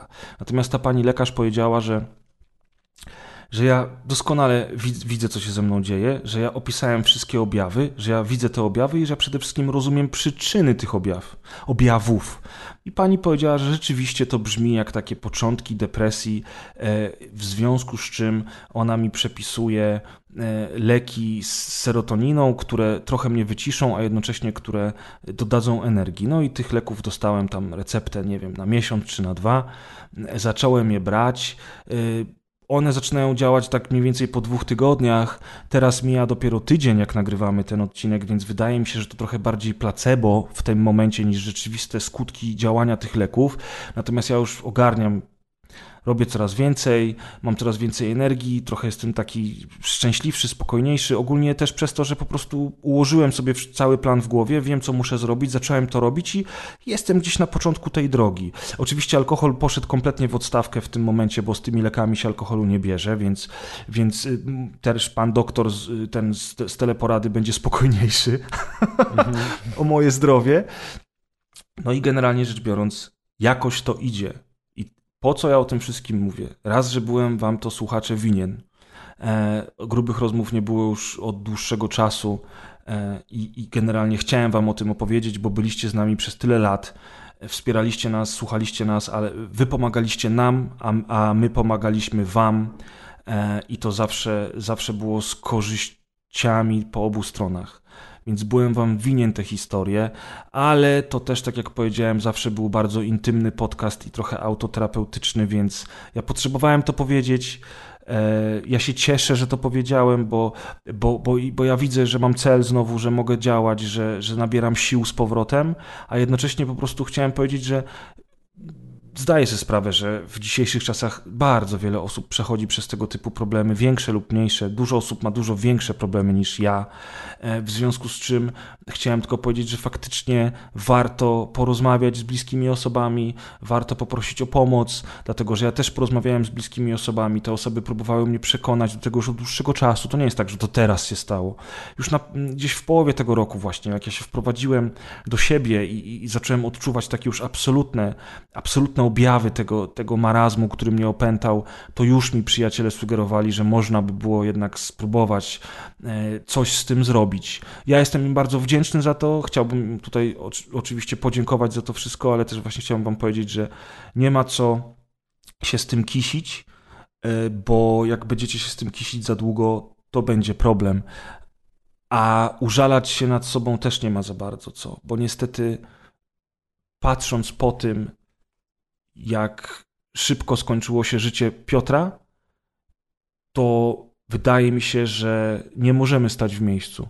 I teraz za każdym razem właśnie jak myślę sobie o jakichś takich rzeczach, które chciałbym zrobić, czy które na mnie czekają, a ja je przekładam, to myślę sobie, że cholera wie, jak długo pożyjemy, cholera wie, co niedługo będzie się działo w tym kraju czy na świecie i tak naprawdę nie ma co zwlekać z czymkolwiek. Ja wiem, że to jest łatwo powiedzieć, gorzej zrobić. Oczywiście, że tak. Ja też zawsze byłem zresztą bardziej przebojowy, ekstrawertyczny. E, brałem sprawy w swoje ręce. Nie każdy musi mieć taki charakter, ale zastanówcie się nad tym. Zastanówcie się nad tym, że Piotruś miał tak mało lat, jak zmarł i jakby niczego już więcej nie doświadczy. Ja pamiętam, że on tak niesamowicie cieszył się, jak ja kupiłem to mieszkanie, i on mi mówił, że stary, w twoim wieku w pojedynkę, na własną rękę, udało ci się kupić mieszkanie w centrum Wrzeszcza, oczywiście na kredyt, ale miałem też odłożone pieniądze jakieś tam na wkład własny. Remontujesz je, robisz to tak jak chcesz, czy będziesz robił, bo przecież ja wtedy jeszcze nie zacząłem tego remontu. I on mówił, że jest bardzo, bardzo ze mnie dumny, że on się naprawdę cieszy z tego. I szczerze mówiąc, ja wiem, że on się cieszył, ja wiem, że to była prawda. I to też był taki bodziec, że ja sobie potem pomyślałem, kurczę, no skończyłem ten remont, ale Piotrkowi tego już nigdy nie pokażę. E, I mówię wam, naprawdę nie ma co zwlekać, nie ma co czekać. Jak jest źle, to trzeba to naprawiać, bo jest tyle fajnych rzeczy, które można zrobić w życiu takich nawet pierdołowatych rzeczy. Ja nie mówię już o wyjeździe gdzieś tam, kurczę, na Sri Lankę, ani zbudowaniu swojego własnego domku na drzewie, ale nawet takich pierdołowatych rzeczy, które bardzo często właśnie przez to, że, że, że, nic nie robimy z tymi swoimi problemami, że zalegamy gdzieś tam, że siedzimy na dupie i użalamy się nad sobą, to te, te też fajne rzeczy po prostu nam mogą umknąć, nie? A mimo całej tej chujni, która nas otacza, jest dużo fajnych spraw. Na przykład grube rozmowy, prawda, Amadeuszu? Mm, e, na przykład. To jest, to jest na czele. To topka. Topka, topka, topka. Według tego Eurobaru, tak? Czy jak oni tam się nazywają? Tak, tak, tak. Chyba. Nie wiem, jakby zapytali tysiąc Polaków, ilu słucha grupę rozmowy, ale myślę, że wynik byłby pozytywny. Oczywiście, że tak. Najpopularniejszy podcast w Polsce. Słuchowisko Teraz wszyscy, nagrywają, teraz wszyscy nagrywają podcasty, musimy nagrywać słuchowisko. No, nazwijmy to po prostu audycją, tak jak zawsze mówiliśmy i, i wtedy wyjdziemy obronną ręką z całej sytuacji. Dobrem kultury. Albo o, tekstem kultury. Tekstem Grube rozmowy kultury. to jest po prostu tekst kultury. Tak, to jest tekst kultury i dobro narodowe, moi drodzy. Jeżeli jesteście z nami po raz pierwszy, to zachęcamy Was do przesłuchania poprzednich odcinków, bo tam jest dużo dobra, bardzo dużo dobra. I obiecujemy, że będziemy też serwować Wam kolejne odcinki w miarę możliwości, częściej lub rzadziej, ale będziemy. Mm, czy ty, Amcio, masz jeszcze coś na, mm, coś na koniec, czym chciałbyś się z nami podzielić, albo jakieś przemyślenia odnośnie tego, co ja powiedziałem, może jakiś komentarz? Nie wiem, dałem tak, dałem na początek, zaczęliśmy pozytywnie, potem było trochę negatywnie, ty skończyłeś trochę pozytywnie, więc w sumie wydaje mi się, że jeszcze epilog yy, mieszkaniowy może się konty będzie kontynuowany na naszych, na grubych rozmowach w przyszłości. Myślę, że ten wątek się jeszcze będzie ciągnął za nami. Yy, natomiast co do optymistycznego zakończenia, to, to też bym chciał jeszcze tak pozytywnie i optymistycznie zakończyć jak ty. Aczkolwiek okay. jeszcze muszę nad tym trochę popracować, żeby jeszcze, jeszcze mieć podobne podejście do twojego. Rozumiem, czyli dzisiejszy odcinek być może pomoże również tobie przemyśleć parę spraw. No to znaczy tak, przemyśleć na pewno, tylko z wyciąganiem wniosków jest gorzej. nie bój się, widzisz, nie jesteś sam. Że, bo mi się wydaje, że ja przemyśl, że, że, że nie, z przemyśleniami to nie mam problemów i w ogóle, wiesz, z analizą raczej nie mam problemów, gorzej z wyciągnięciem wniosków. Albo z adaptacją wyników przemyśleń. Właśnie, bardziej to o, o tą adaptację chodzi, bo wydaje mi się, że to jest ten największy problem, nie? Kiedy już, kiedy już wszystko wiesz, albo wydaje ci się, że wiesz i powinieneś coś z tym zrobić, ale nic z tym nie robisz. Ja, ja powiem wam szczerze że sam, że ja bardzo długo jakby uważałem, że nie, nie, znaczy tak, nie rozumiałem bardzo wielu rzeczy, nie rozumiałem tego, jak, jak, jak wrażliwe jest nasze dzisiejsze społeczeństwo, jak, jak wiele młodych osób, dużo młodszych ode mnie, czasami nawet od ciebie, Amadeusz, dwudziestolatków, którzy, którzy po prostu chodzą do psychoterapeutów, mają problemy z tym, żeby zamówić pizzę przez telefon, albo żeby, albo żeby tam wyjść na imprezę do ludzi, oni są introwertykami, siedzą w domu. Ja tego nie byłem w stanie zrozumieć, bo ja jestem inny. I to też mi Kuldan wielokrotnie próbował wytłumaczyć, zresztą skutecznie. Kuldan miał taki wpływ na nas wszystkich chyba, że, że on potrafił spojrzeć z innej perspektywy i spróbować, mm, spróbować wczuć się empatycznie w osobę, na, którą on nie był, nie? Osobę, której nawet nie był w stanie zrozumieć, ale zawsze próbował. I on zachęcał właśnie do tego, żeby te osoby, żebyśmy zawsze próbowali te osoby zrozumieć, żeby, żeby nie negować, nie wyśmiewać i tak dalej. Ja nigdy nie byłem skory do wyśmiewania, natomiast dziwiło mnie to bardzo. Powiem szczerze, dziwiło mnie to, że ja, ja, osobiście miałem w życiu wiele różnych doświadczeń, lepszych i gorszych. Musiałem wielokrotnie radzić sobie samemu, miałem różne problemy, jak, z których wychodziłem czasami samemu, czasami ze wsparciem rodziny czy przyjaciół. wielokrotnie rodzina była problemem, albo przyjaciele właśnie byli problemem, trzeba było sobie radzić samemu. Natomiast potem, jak ja słuchałem, że wiesz, to nowe pokolenie, które idzie e, za nami, e, chodzi do psychoterapeuty, bo boi się zamówić pizzę przez telefon, to nie byłem w stanie uwierzyć w ogóle, że takie rzeczy są możliwe. Natomiast są i, i jakby ja rozumiem, że nie każdy jest tak samo skonstruowany, że nie wszyscy są tacy jak ja i że każdy z nas ma swoje granice wytrzymałości. Może, może to jest to, może to jest dobre słowo, to jest, że, że, że, moja granica wytrzymałości nastąpiła w tym roku, że ja dotarłem do tej granicy, że ilość rzeczy, która mnie przerosła, która mnie zmęczyła, spowodowały, że ja jakby miałem już dosyć i musiałem coś z tym zrobić, żeby sobie samemu pomóc. A rozumiem, że in, inni ludzie mogą mieć jeszcze większą granicę wytrzymałości, i wtedy, jak oni pękną, to już w ogóle wiesz, są totalnie przybici i nie mają siły na nic, a może właśnie walczą. Albo są... z drugiej strony mają gdzie indziej, nawet nie, że są wytrzymalsi albo dalej, a w innym miejscu. W innym miejscu, dokładnie. I tak samo są ludzie, którzy tą granicę wytrzymałości mają dużo, dużo mniejszą i po prostu zupełnie inne rzeczy, może nie tyle tych ludzi łamią czy złamią, co po prostu stopują na co dzień, tak? Przeszkadzają im e, w życiu codziennym i to też jest zupełnie inna kwestia, ale nad tym też trzeba pracować, bo jeżeli w życiu codziennym małe rzeczy przeszkadzają ci na każdym kroku, to po jakimś czasie to chodzenie staje się niemalże niemożliwe, prawda? Mhm. Jeżeli każdy mały krok boli, to w pewnym momencie po prostu nie jesteś w stanie już iść dalej. No i niestety, no, y, y, takie mamy czasy. Może to lepsze, że wiecie, nie mamy kolejnej wojny światowej, ani nie żyjemy w średniowieczu i nie musimy o trzeciej rano wstawać na pole, żeby, żeby, zbierać, żeby zbierać ziarno dla, e, dla, dla tego, dla pana pańszczyźnianego, bo pewnie byśmy wtedy pożyli 20 lat i już dawno leżeli w ziemi. A, a, ale no. Okazuje się, że, okazuje się, że te czasy, w których żyjemy, coraz częściej są badane przez różnych naukowców, psychologów i specjalistów, i to na pewno ty, Amadeuszu, potwierdzisz, którzy wysnuwają ciągle te, te same wnioski, że dzisiejsze czasy faktycznie są takie, że powodują bardzo wiele różnych nie chorób psychicznych, nie, bo to nie jest dobre określenie, tylko cywilizacyjnych. Cywilizacyjnych, o. Chorób cywilizacyjnych po prostu. No, także tak to wygląda, moi drodzy. Amadeusz, Amadeusz walczy, ja walczę, wy też walczcie. E, widzimy się, czy też słyszymy się niedługo na kolejnej rozgrywce, na której będzie o Call of Duty. Może od razu zdążymy z Battlefieldem, kto wie. Mm, a kolejne grube rozmowy na pewno za jakiś czas znowu się pojawią. O, myślę, że tematy to się pojawią. Mam takie Oj, tematy to że... na pewno, tematy to na pewno, nie? Tylko żebyśmy my znaleźli czas a tymczasem e, liczymy na Wasze komentarze na stronie pod odcinkiem. Dziękujemy Wam za wysłuchanie. To były grube rozmowy numer 33. Ja nazywam się Grzegorz Wojewoda, czyli Pres Perez, a ze mną był dzisiaj Amadeusz Łaszcz, czyli Deusz. Do usłyszenia. Cześć, cześć. Malujesz mi na stole kreski, które mają milion barw. Ty miałaś wyleczyć z depresji. Malujesz mi na stole kreski Które mają milion barw. Ty miałaś wylecieć z depresji. Laugh and grow fat.